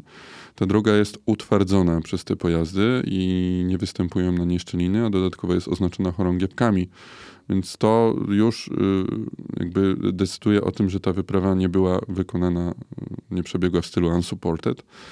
Mm, No, Colin wykorzystał też najkrótsze możliwe y, odcinki drogi. Uważam, że wymaga to ogromnej ilości i ten, kto nie był na Antarktydzie, nigdy nie będzie w stanie docenić tego, że to było trudne, co zrobili razem z Rudem. Absolutnie. Zresztą mm, Luisa poznałem y, na biegunie. y, Wymieniliśmy się czapkami e, na biegunie południowym. On teraz prowadzi ludzi na last degree.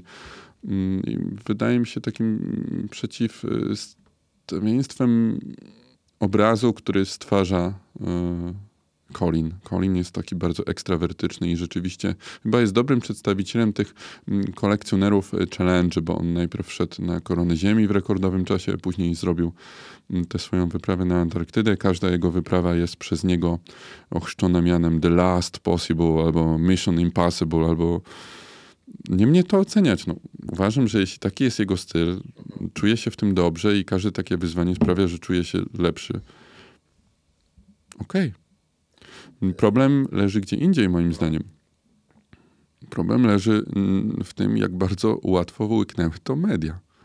I, I nie mówię tu o takim New York Timesie, który na bieżąco relacjonował tę wyprawę i to, że oni o sobie nie wiedzieli, że będą w tym samym roku robić ten trawers. Dowiedzieli się o tym już chyba na Antarktydzie. Więc ten kwestia tego nowego wyścigu do trawersu Antarktydy jakby pięknie nawiązywała e, do, do tego wyścigu Amundsena i Scotta. Poza tym popatrz, kto tutaj konkurował. Konkurowali Brytyjczyk Tak. i Amerykanie. No, Tak. Nie można dostać lepszej pożywki dla prasy. Więc New York Times na bieżąco relacjonował tę wyprawę. Oczywiście pompował to wielkie ego Colina. Ale okej, no wierzę, że New York Times jest w stanie takie rzeczy łykać, jak młody pelikan. Ale łyknęło to towarzystwo National Geographic, łyknęło to The, The Explorers Club, bo Colin szedł z flagą The Explorers Club. Nikt tego jakby nie zweryfikował, nie sprawdził. Przecież Borky Olsson jest członkiem The Explorers Club od e, dawna. E, był także wielokrotnie nagradzany przez National Geographic. National Geographic później posypało głowę popiołem i rzeczywiście pojawił się taki artykuł, w którym stwierdzono, że trochę dali się zwieść, nie zweryfikowali informacji, innymi słowy dali dupy jako dziennikarze. Nigdy nie słyszałem, żeby The Explorers Club jakokolwiek posypało głowę, że tak mocno był ten projekt przez nich promowany. No wyszedł z tego straszny kwas. No i w środowisku polarnym mocno był dyskutowany. Ja też byłem w takiej grupie na Facebooku, w której się mm, o tym, o tym rozmawiało. I by, był to zarówno Borgie Olsen, Eric Phillips, Aleksander Game, czyli osoby, które teraz robią najlepsze rzeczy mm, w świecie polarnym. No, ocena Kolina jest jednoznaczna. No, jest to człowiek, który robi fajne rzeczy, ale opowiada w taki sposób dyskredytuje jednocześnie dokonania innych y, ludzi, a tego się nie robi. Jeśli ktoś zrobił wspaniałe rzeczy przed tobą, to o tym po prostu mówisz, a nie, nie próbujesz intencjonalnie ich ukrywać. Więc no, w środowisku polarników jest człowiekiem mm, niestety spalonym. Mhm. No trochę bez klasy, rzeczywiście. No ale medialnie swoje ugrał. No tak, myślę, myślę, myślę, że tak i no i teraz po prostu czerpie z tego korzyści. Jest w Dokładnie. stanie zorganizować kolejną wyprawę. Zabrać E, pieniądze Tak, to. jak, tak, jak, tak jak powiedziałeś, teraz organizowane są no, wyścigi. Zresztą ten rekord Christiana Eide, takiego Norwega, spektakularny zresztą, nie, nie, nie, nie pamiętam ile on wynosił dni, ale być może 23 czy coś takiego. Przez ostatnie kilka lat wiele osób próbowało pobić ten rekord szybkości. Próbowano też pobić rekord kobiecy. I rzeczywiście rekord kobiecy został pobity w, ubieg w, te, w ubiegłym roku mm, przez y, Karolinę Coty, która zresztą zrobiła mi zdjęcie na biegunie. E, Spotkaliśmy się też w drodze, bo mnie wyprzedzała i jest niesamowita. E, W tym roku rekord Christiana Eide został pobity przez jej męża. Tak. Po, po, po, po, kilku, la, po kilku latach e, udało się ten rekord pobić. Vincenta zresztą też, też poznałem e, na, i na Antarktydzie, i w Punta Arenas. E, To są strasznie pozytywni ludzie, którzy szukają tych wyzwań, nie stać ich na, na, na wyprawy, które kosztowałyby miliony dolarów, grube miliony dolarów. Jest w nich ta żądza rywalizacji, ta żądza zapisania się jakoś w historii i ją realizują poprzez ultra szybki, wyniszczający jednocześnie, bo nie wiesz, że on, oni to robili bez prochów przeciwbólowych, codziennych, mocnych. E, No jest to jakiś sposób ich, ich spełnienia się i realizacji. Kompletnie nie moja, nie moja szkoła, kompletnie nie mój styl, e, nie moja wizja też, wiesz. Ja, zresztą rekord Karoliny został pobity w tym roku. W tym roku pobito rekord e, przez Brytyjkę. Mm, Polar Pete. Polar tak, też jest E. Tak, jest i bardzo dobrze nawiguje. Wydaje mi się, że to był jej M&M's. Mm. Jak tak ustało mi się, jak udało mi się ustalić. Więc zawsze, kiedy gdzieś tam przez śnieg przebijały jakieś ślady, to wiedziałem, że to prawdopodobnie jest, jest ona.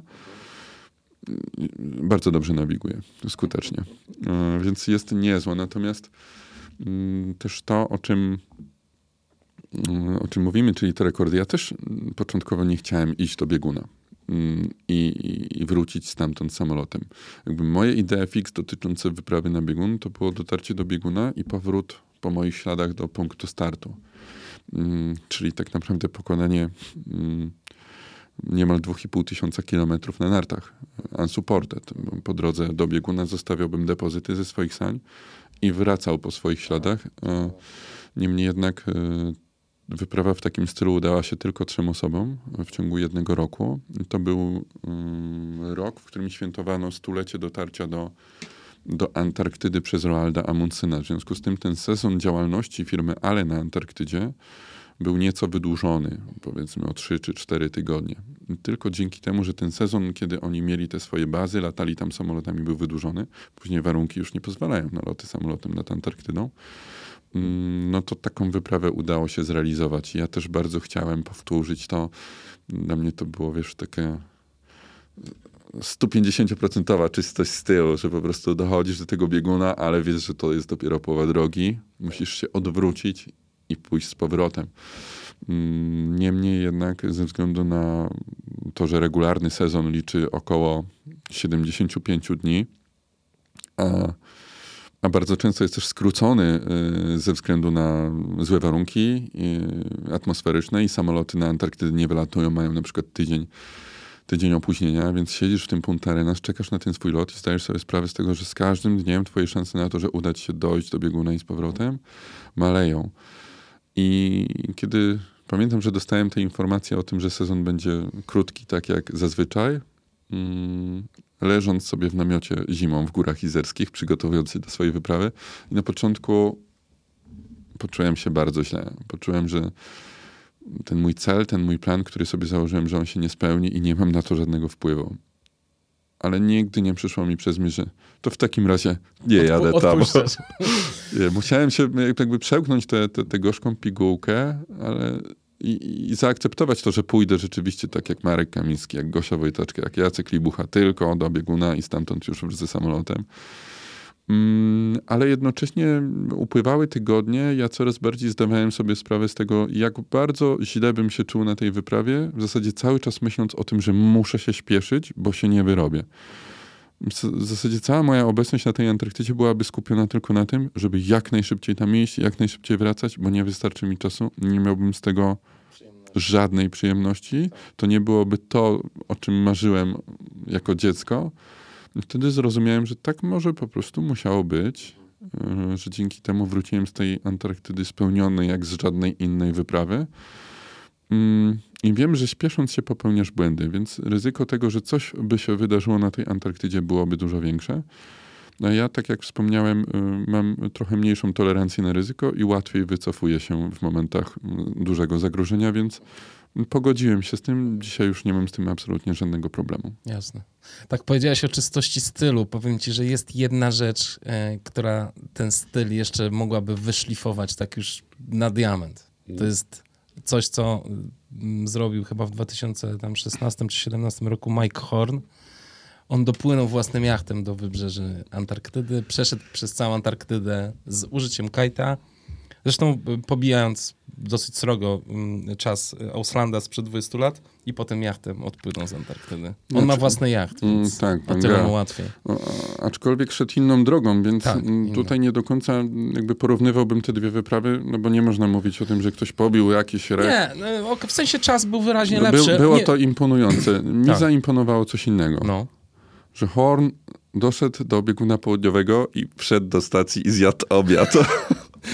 I, I dzięki temu jakby pokazał, że w dupie ma to, czy ludzie uznają, że ta wyprawa jest supported, czy nie supported. On wie, tak. że to było w jego zasięgu tak. i wie, że mógł sobie tak po prostu arogancko wejść, zjeść ten obiad Tak, i ruszyć dalej. To było wspaniałe. Tak, y, no jest wielką, wielką rzeczywiście inspiracją Mike Horn dla, dla tych wszystkich, którzy interesują się tymi, tymi wszystkimi wyprawami. Pomimo tego, że on też jest takim, med- on jest medialną bestią, też trochę tak jak Colin, ale on, ale on naprawdę ma na swoim koncie niesamowite rzeczy.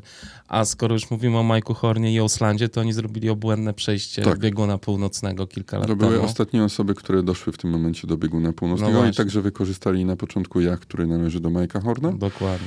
No a z powrotem już zabierał ich e, Lodołamacz. e, norweski lodołamacz, wyczarterowany przez rząd. Tak, ale to też piękne. I powiedz, e, no bo oni właśnie, oni bez pakraftów by sobie tam nie poradzili. Nie. E, I jak ty myślisz o biegunie północnym? To, myśl, to w jakich kategoriach? Wiesz co, Horn i Olsen wykorzystywali wcześniej, bo to nie była ich pierwsza wspólna wyprawa na biegun północny. Oni też wcześniej doszli do tego bieguna zimą, nocą polarną. To była pierwsza taka wyprawa.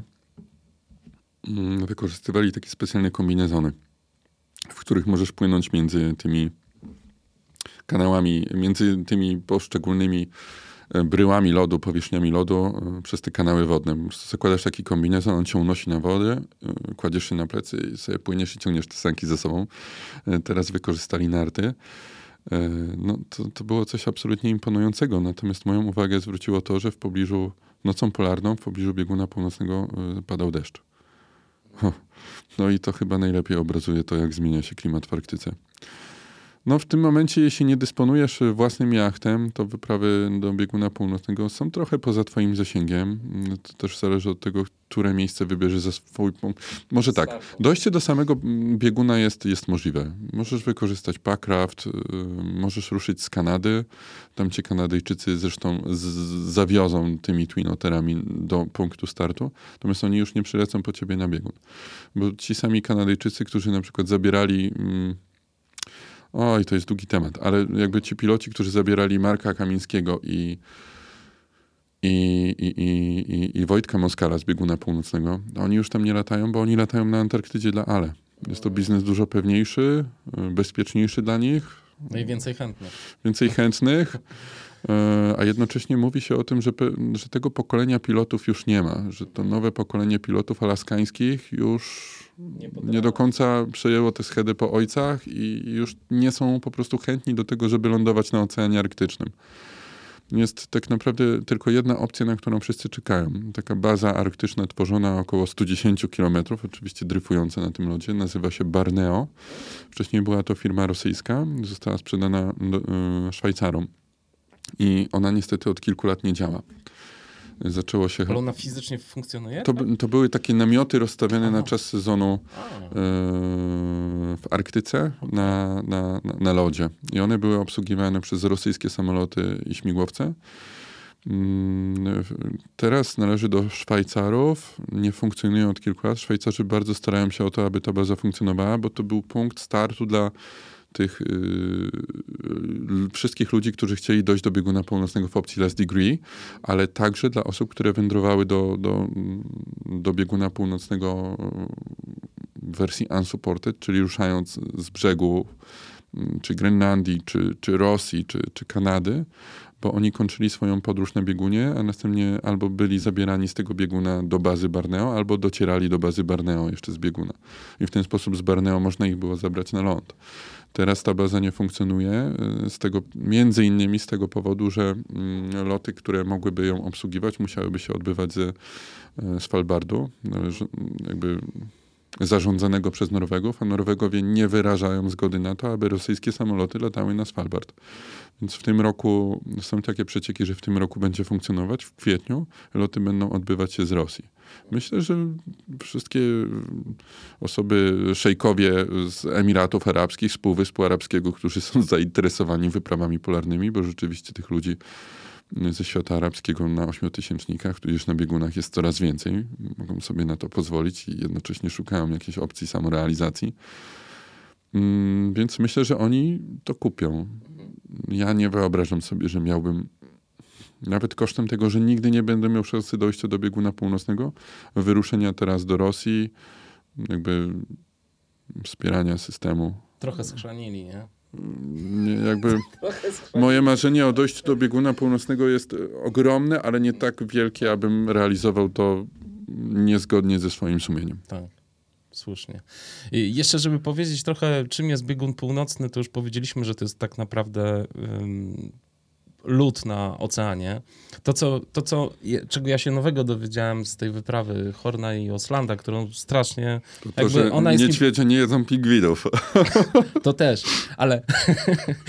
ale e, ale wiesz co, to, że, że po prostu wiatr spycha kry lodowe, co jest oczywiste, mhm. ale że oni po prostu, wiesz, potrafili rozbić namiot w nocy i obudzili się po prostu ileś tam kilometrów wstecz, bo ich właśnie zepchnął wiatr. wiatr to jest po prostu coś, coś niesamowitego i to też wiem, że ich strasznie dobijało. Plus to, że w połowie e, wyprawy no, skończyło im się słońce i weszli w noc. No ale taki, taki był ich plan. Jakby tak. Oni liczyli, też jakby zdawali sobie sprawę z tego, że to jest jedyna pora roku, kiedy mogą pozwolić sobie na tak długą wyprawę, bo dzięki niższym temperaturom ta jakość lodu będzie dużo lepsza. To raz. Dwa, dryf polarny, o którym mówisz, jest związany nie tylko z ruchem wiatru, ale też prądami morskimi i to na swojej skórze testował już e, Fritjof Nansen i Hjalmar Johansen e, ponad, grubo ponad 100 lat temu. I to była absolutnie pionierska, eksploracyjna wyprawa, bo oni płynęli w to tam. Oni nie wiem, czy wiesz, jaka jest historia e, statku Fram i, i dryfu polarnego Frama. Nie. E, wyprawa polegała na tym, że polarnicy wmarzli w lód, w pak lodowy i poruszali się z tym pakiem lodowym e, wmarznięci, licząc na to, że będą w okolicach bieguna i być może wtedy ruszą do tego bieguna na nartach. E, I ta wyprawa była zaplanowana na kilka lat i oni rzeczywiście e, płynęli, dryfowali razem z tym pakiem lodowym. Niestety no, nikt wtedy nie wiedział w ogóle do końca, jak funkcjonuje dryf polarny, jak przemieszczają się te wody. Nansen podjął się takiej próby, bo mm, dotarł do informacji, że drewno, które dociera do wybrzeży Grenlandii, pochodzi prawdopodobnie z Syberii. Zatem lód musi przemieszczać się w, od Syberii do, do, do, do Grenlandii e, ze wschodu na zachód, więc e, jakby było to jednym z przyczynków, dlaczego uważał, że taka wyprawa może się powieść. I to była eksploracja w najczystszej postaci. Rzeczywiście przyszedł taki moment, że on, e, że Nansen razem z Johansenem w którymś momencie opuścili Frama i w dwóch we dwóch z psami ruszyli w stronę bieguna północnego. Dwie osoby z tak totalnie prymitywnym z dzisiejszego punktu widzenia sprzętem, z, których, z którego najlepiej sprawdzały się, sprawdzały się strzelby, dzięki którym mogli tak naprawdę zdobyć, e, zdobyć pożywienie no to, to, to, to budzi, budzi ogromny szacunek, ale jednocześnie ta książka pełna jest okrucieństw o tym, że zjadają własne psy, które były dla nich przyjaciółmi. No, z dzisiejszego punktu widzenia jest to coś absolutnie nie do pomyślenia, ilu, ile niedźwiedzi na przykład zostało polarnych zastrzelonych przez wyprawę na statku Fram, nie tylko przez Nansena i Johansena, ale w ogóle w trakcie dryfu samego statku. Mm, więc to była rzeczywiście wyprawa polarna, która dała podstawy pod, pod tę wiedzę, którą mamy teraz, te podwaliny wiedzy. I, I wiedząc to wszystko, co wiemy teraz, możemy planować takie wyprawy, znaczy no my możemy, no, może planować Horn i, i Ausland, którzy byli bardzo doświadczonymi osobami, bo, bo, bo wcześniej przecież doszli do tego bieguna też zimą. No Borgi Ausland to jest to jest moim zdaniem... To jest postać niesamowita. Mm, wiesz, no, nie da się tego porównywać. Ja jestem daleki od określenia kogoś mianem największego polarnika w historii. Ale Borg i Olsen zrobił rzeczy niesamowite. Niesamowite. I to też on właściwie nie robi innych rzeczy poza tymi w lodzie, prawda? On, on jest... Próbował wejść na, na, na Everest, mhm. E, doszedł do, do wierzchołka południowego, próbował, e, chyba wszedł na wierzchołek Chooju. Mm, odbywał też wyprawy żeglarskie, ale rzeczywiście jest niemal całkowicie poświęcony wyprawom polarnym. Tak, tak. Niesamowita postać i napisał książkę wspaniałą którą tylko niestety wiem, że jest wspaniała, bo zakładam, że jest wspaniała, bo jest po norwesku. Nawet pisałem do wydawcy, czy planują wydać po angielsku, ale niestety nie. Właśnie o, o tym, jak się przygotować do wyprawy polarnej, jak w ogóle funkcjonować. Taka techniczna, fajna książka. Jest, jest y, Polak, który przetłumaczył, tak, tak samo jak ty, zafascynowany tą książką, przetłumaczył ją na własną rękę. Naprawdę? Tak. Nie, nie została jeszcze wydana. No jest to tak niszowa pozycja, że... Ale po polsku? Tak. Ale czad. Miałem, miałem przyjemność czytania wersji, wersji roboczej, Aha. ale obawiam się, że szanse na znalezienie wydawcy będą niewielkie, bo jest to pozycja szalenie niszowa w Polsce, a sytuacja na rynku książki nie jest obecnie najłatwiejsza. Niemniej jednak e, no, są jakieś szanse, że może kiedyś ta pozycja pojawi się E, w języku polskim. Pamiętam, że napisał i do mnie, i do Łukasza przed naszą wyprawą na Grenlandię, czy moglibyśmy merytorycznie sprawdzić, czy to tłumaczenie zostało dobrze zrobione. Zostało zrobione naprawdę, naprawdę nieźle. Jezu, to i to fajnie, kiedy możesz w końcu przeczytać e, taką książkę. Po niesamowity gość, niesamowity. Szacunek dla niego ogromny. A korzystając z tej krótkiej przerwy, zaproszę Was na patronite.pl ukośnik Black Hat Ultra, aby wesprzeć mój projekt i na zrzutka.pl ukośnik na Everest, aby wesprzeć projekt Mateusza. Dobrze, Mateusz, to powiedzieliśmy um, o tych wyprawach polarnych. Chciałbym, żebyś jeszcze powiedział słówko o tym, gdzie się teraz wybierasz. Jaka duża impreza cię czeka? Chciałbym wejść e, na szczyt Everestu, natomiast tak jak już chyba napomknąłem o, o tym wcześniej, wejście na Everest jest tylko częścią całej wyprawy. Bo, bo rzeczywiście to, co zaplanowałem, zakłada mm, wejście na szczyt z poziomu oceanu. I to też wynika z inspiracji trochę, trochę wyprawami innych ludzi, bo samo wejście na Everest jest dla mnie atrakcyjne, jest kuszące i wynika właśnie z tych wyobrażeń, które stworzyłem sobie czytając książki Himalajstów y, jako młody człowiek. Aczkolwiek wydaje mi się, że na, na, samą wyprawę na Everest po prostu bym się nie zdecydował. Mm, bardzo inspirująca była dla mnie historia takiego Szweda, Gorana Kropa, który w 95 roku wyruszył ze swojego mm, domu w Szwecji y, i dojechał do, do bazy, no, do miejsca, w którym kończy się droga w Nepalu na, na rowerze. Następnie wszedł na szczyt, y, zszedł z niego bezpiecznie. I próbował wrócić na tym rowerze do, do domu. Niestety to tam ze względów logistycznych już, już się do końca nie udało, więc część drogi pokonał koleją. Niemniej jednak to było dla mnie szalenie, szalenie inspirujące, że ten szczyt Everestu to jest dla ciebie tak naprawdę. Yy, jakiś daleki cel, że to droga. W pewnym sensie jest to takie rozwiązanie dylematu, czy ważniejsza jest droga, czy cel. Ja uważam, że obie te rzeczy są równie istotne. I dlatego chciałem nadać swojej wyprawie także taką formę, że nie lecę po prostu helikopterem z, z Katmandu do Lukli i tam rozpoczynam regularny trekking. Potem próbuję wejść na szczyt, tylko wydłużę tę trasę. Oczywiście, no jakby naturalnym wyborem byłby przejazd z Polski do Nepalu, ale przychodzi taki moment w twoim życiu, że pojawia się waga. I, I, na szalach tej wagi stawiasz rok y, w podróży rowerowej i wejście na Everest, czy rok spędzony z rodziną, swoimi synami, obserwowanie ich wzrostu, obserwowanie tego, jak dojrzewają, tego, co możesz im dać w tym czasie. I wybór mm, dla części osób może być nieoczywisty, dla mnie był bardzo prosty. Wybieram czas ze swoimi synami. E, ale jednocześnie tak e, na tyle jest to mm, ten Everest jednak ważny dla mnie, że nie chcę z tego pomysłu rezygnować, więc e, w pewnym sensie kompromisowym mm, wyborem wydało mi się ruszenie na Everest z poziomu oceanu, a dokładnie z Zatoki Bengalskiej w Indiach. Dokąd ruszę już 18 marca. Mm, a, a przepraszam, na jakiej zasadzie wybrałeś punkt startu? Dlaczego Zatoka I tutaj kolejna inspiracja, czyli Tim McCartney-Snape, który w Chyba w 93 roku. Więc byłem słaby z dat na historii i, i, i, słaby jestem też teraz. Ale to były lata 90. W ogóle moim zdaniem wyprawy lat 90. nie tylko w świecie polarnym, bo to po 100 latach było jakby otwarcie zupełnie nowego rozdziału w wyprawach polarnych, ale w ogóle lata 90. jeśli chodzi o wyprawy, moim zdaniem złote lata. Uwielbiam czytać o wyprawach z tamtych lat.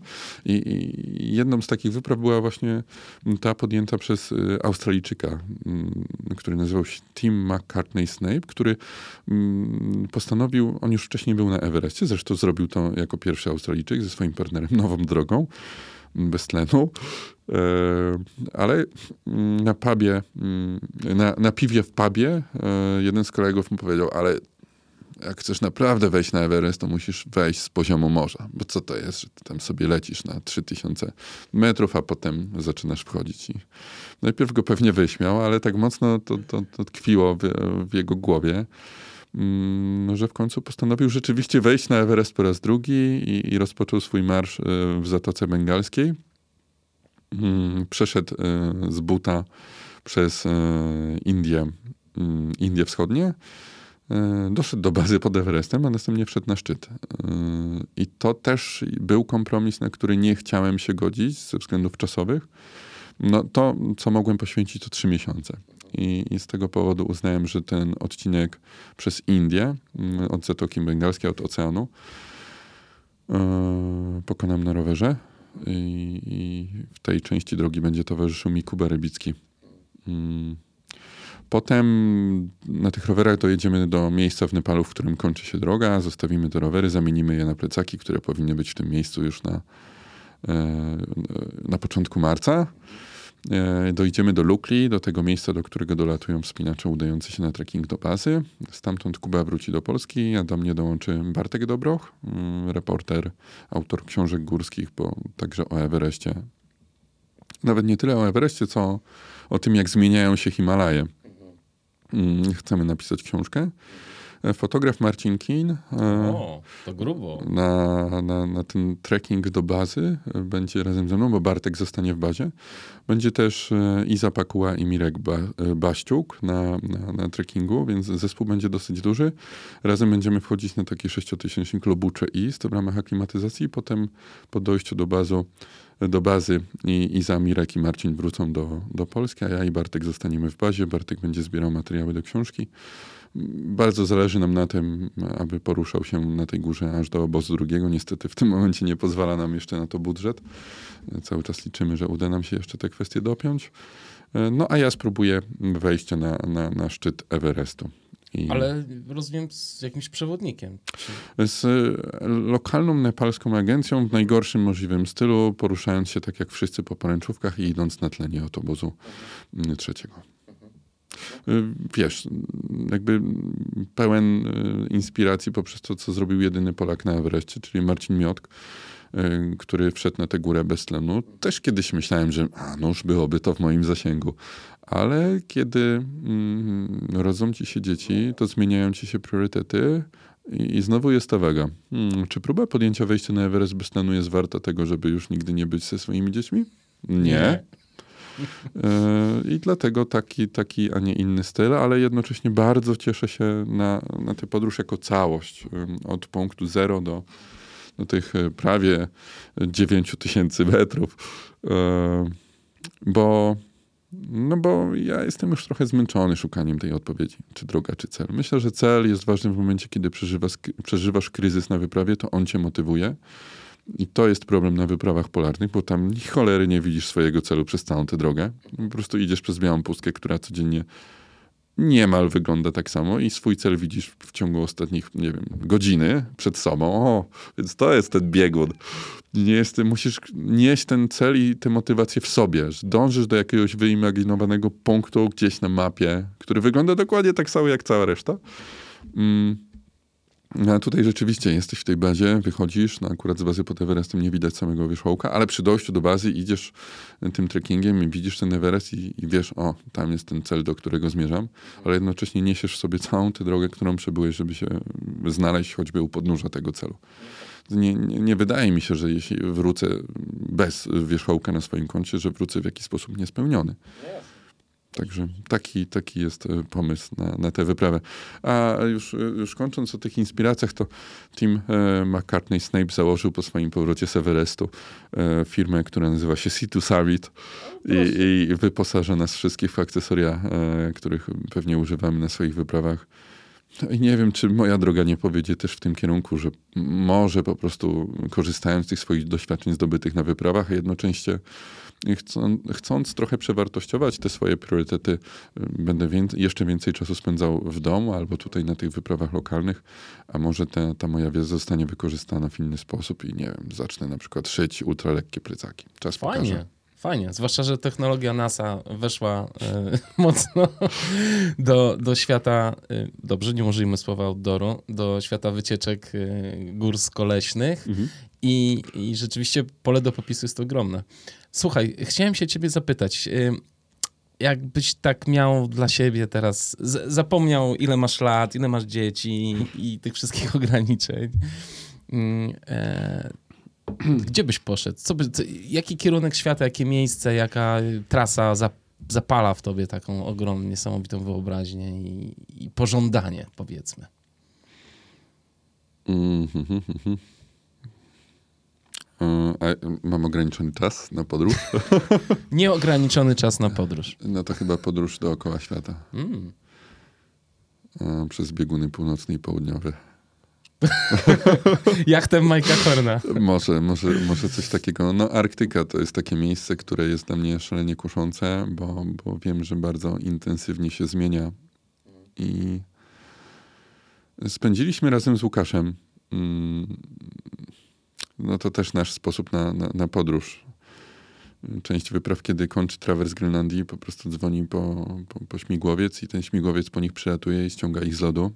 A my musieliśmy jeszcze pokonać morenę tego lodowca, zejść do lodu morskiego i po tym lodzie morskim zejść do miejsca, w którym ono się kończy, ten, kończy się ten lód i tam czeka na nas łódź. No niestety mm, spóźniliśmy się na nasz wykupiony śmigłowiec, taki regularny. Więc musieliśmy spędzić w niewielkiej osadzie Isortok, na takiej malutkiej wysepce, którą można przejść w ciągu dwóch godzin, tydzień. I pamiętam, że kiedy do, dotarliśmy tą łodzią do tej wysepki, wiedzieliśmy, że w tym miejscu, tutaj, w osadzie, która liczy 60 osób, mamy spędzić tydzień. Jest to między nami totalna bariera językowa, bo niemal nikt nie mówi tam po angielsku. No to początkowo byliśmy trochę przytłoczeni, ale później z każdym dniem urzekał mnie ten spokój i cisza, które panują w tym miejscu. Jednocześnie zdawałem sobie sprawę z tego, że jeśli za 10 lat e, przyjadę w to miejsce, to może nikt nie będzie tu już mieszkał, bo takie małe osady na Grenlandii się bardzo szybko wyludniają. Po prostu ich mieszkańcy przeprowadzają się do większych, jak na standardy grenlandzkie miasteczek. E, I to była chyba największa wartość całego trawersu Grenlandii. Ten tydzień, przerażający na początku tydzień, spędzony na tej wysepce, to było coś, do czego warto było przejść całą wyspę na nartach. Mm, i ta intensywność zmian, które następują w Arktyce, nie tylko na Grenlandii, ale też w Arktyce kanadyjskiej na przykład, to jest e, coś, co sprawia, że chciałbym to jeszcze zobaczyć, póki jest. Więc chyba Arktyka byłaby takim moim wyborem, aby spędzić w niej trochę więcej czasu. Fajnie. Dziękuję Ci bardzo, Mateusz, za opowieść i powodzenia na nowej wyprawie na Mount Dzięki. Everest. Dziękuję Pozdrawiam. bardzo.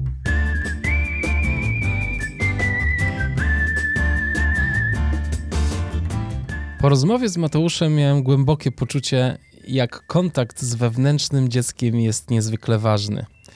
Ja przez sporą część życia odsuwałem od siebie rzeczy, które chciałbym przeżyć, a na które w moim przekonaniu nie było czasu albo pieniędzy.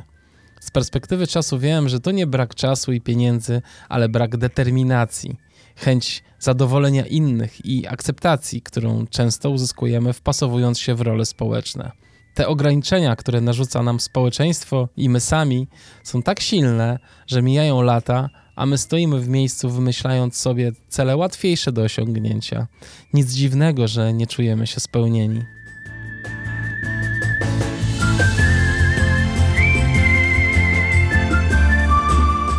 Spróbujmy więc wrócić i przypomnieć sobie, czego chcieliśmy jako dzieci, gdzie wędrowaliśmy w wyobraźni, co rysowaliśmy Kim były osoby, które obłędnie nas inspirowały?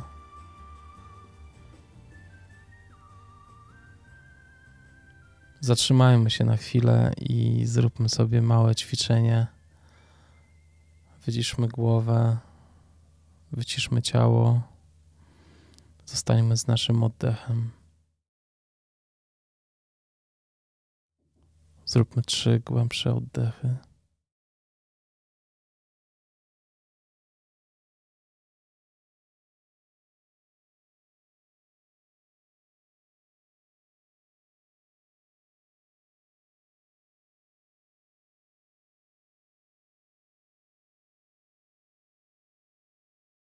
Dzisiaj nie będziemy wyciszać myśli.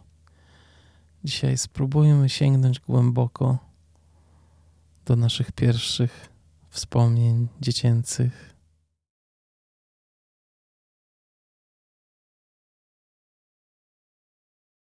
Spróbujcie sobie przypomnieć, co wtedy czuliście, co wtedy myśleliście. Nawet jeśli wasze dzieciństwo nie było usłane różami.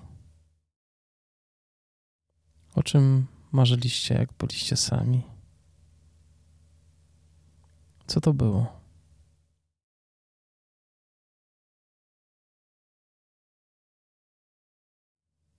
Być może były to rzeczy zupełnie przyziemne, jak posiadanie żółtego roweru. A może były to właśnie niesamowite rzeczy, które działy się w waszej wyobraźni. Być może gdzieś wędrowaliście. Widzieliście siebie jako coś więcej niż tylko dziecko w pokoju.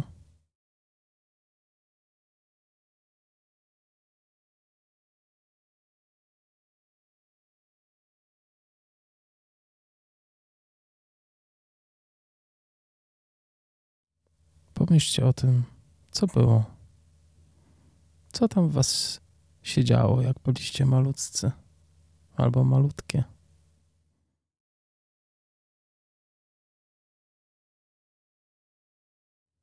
Spróbujcie dotrzeć do swojego wewnętrznego dziecka. Pozdrawiam Was serdecznie. Trzymajcie się. Pa, buźka.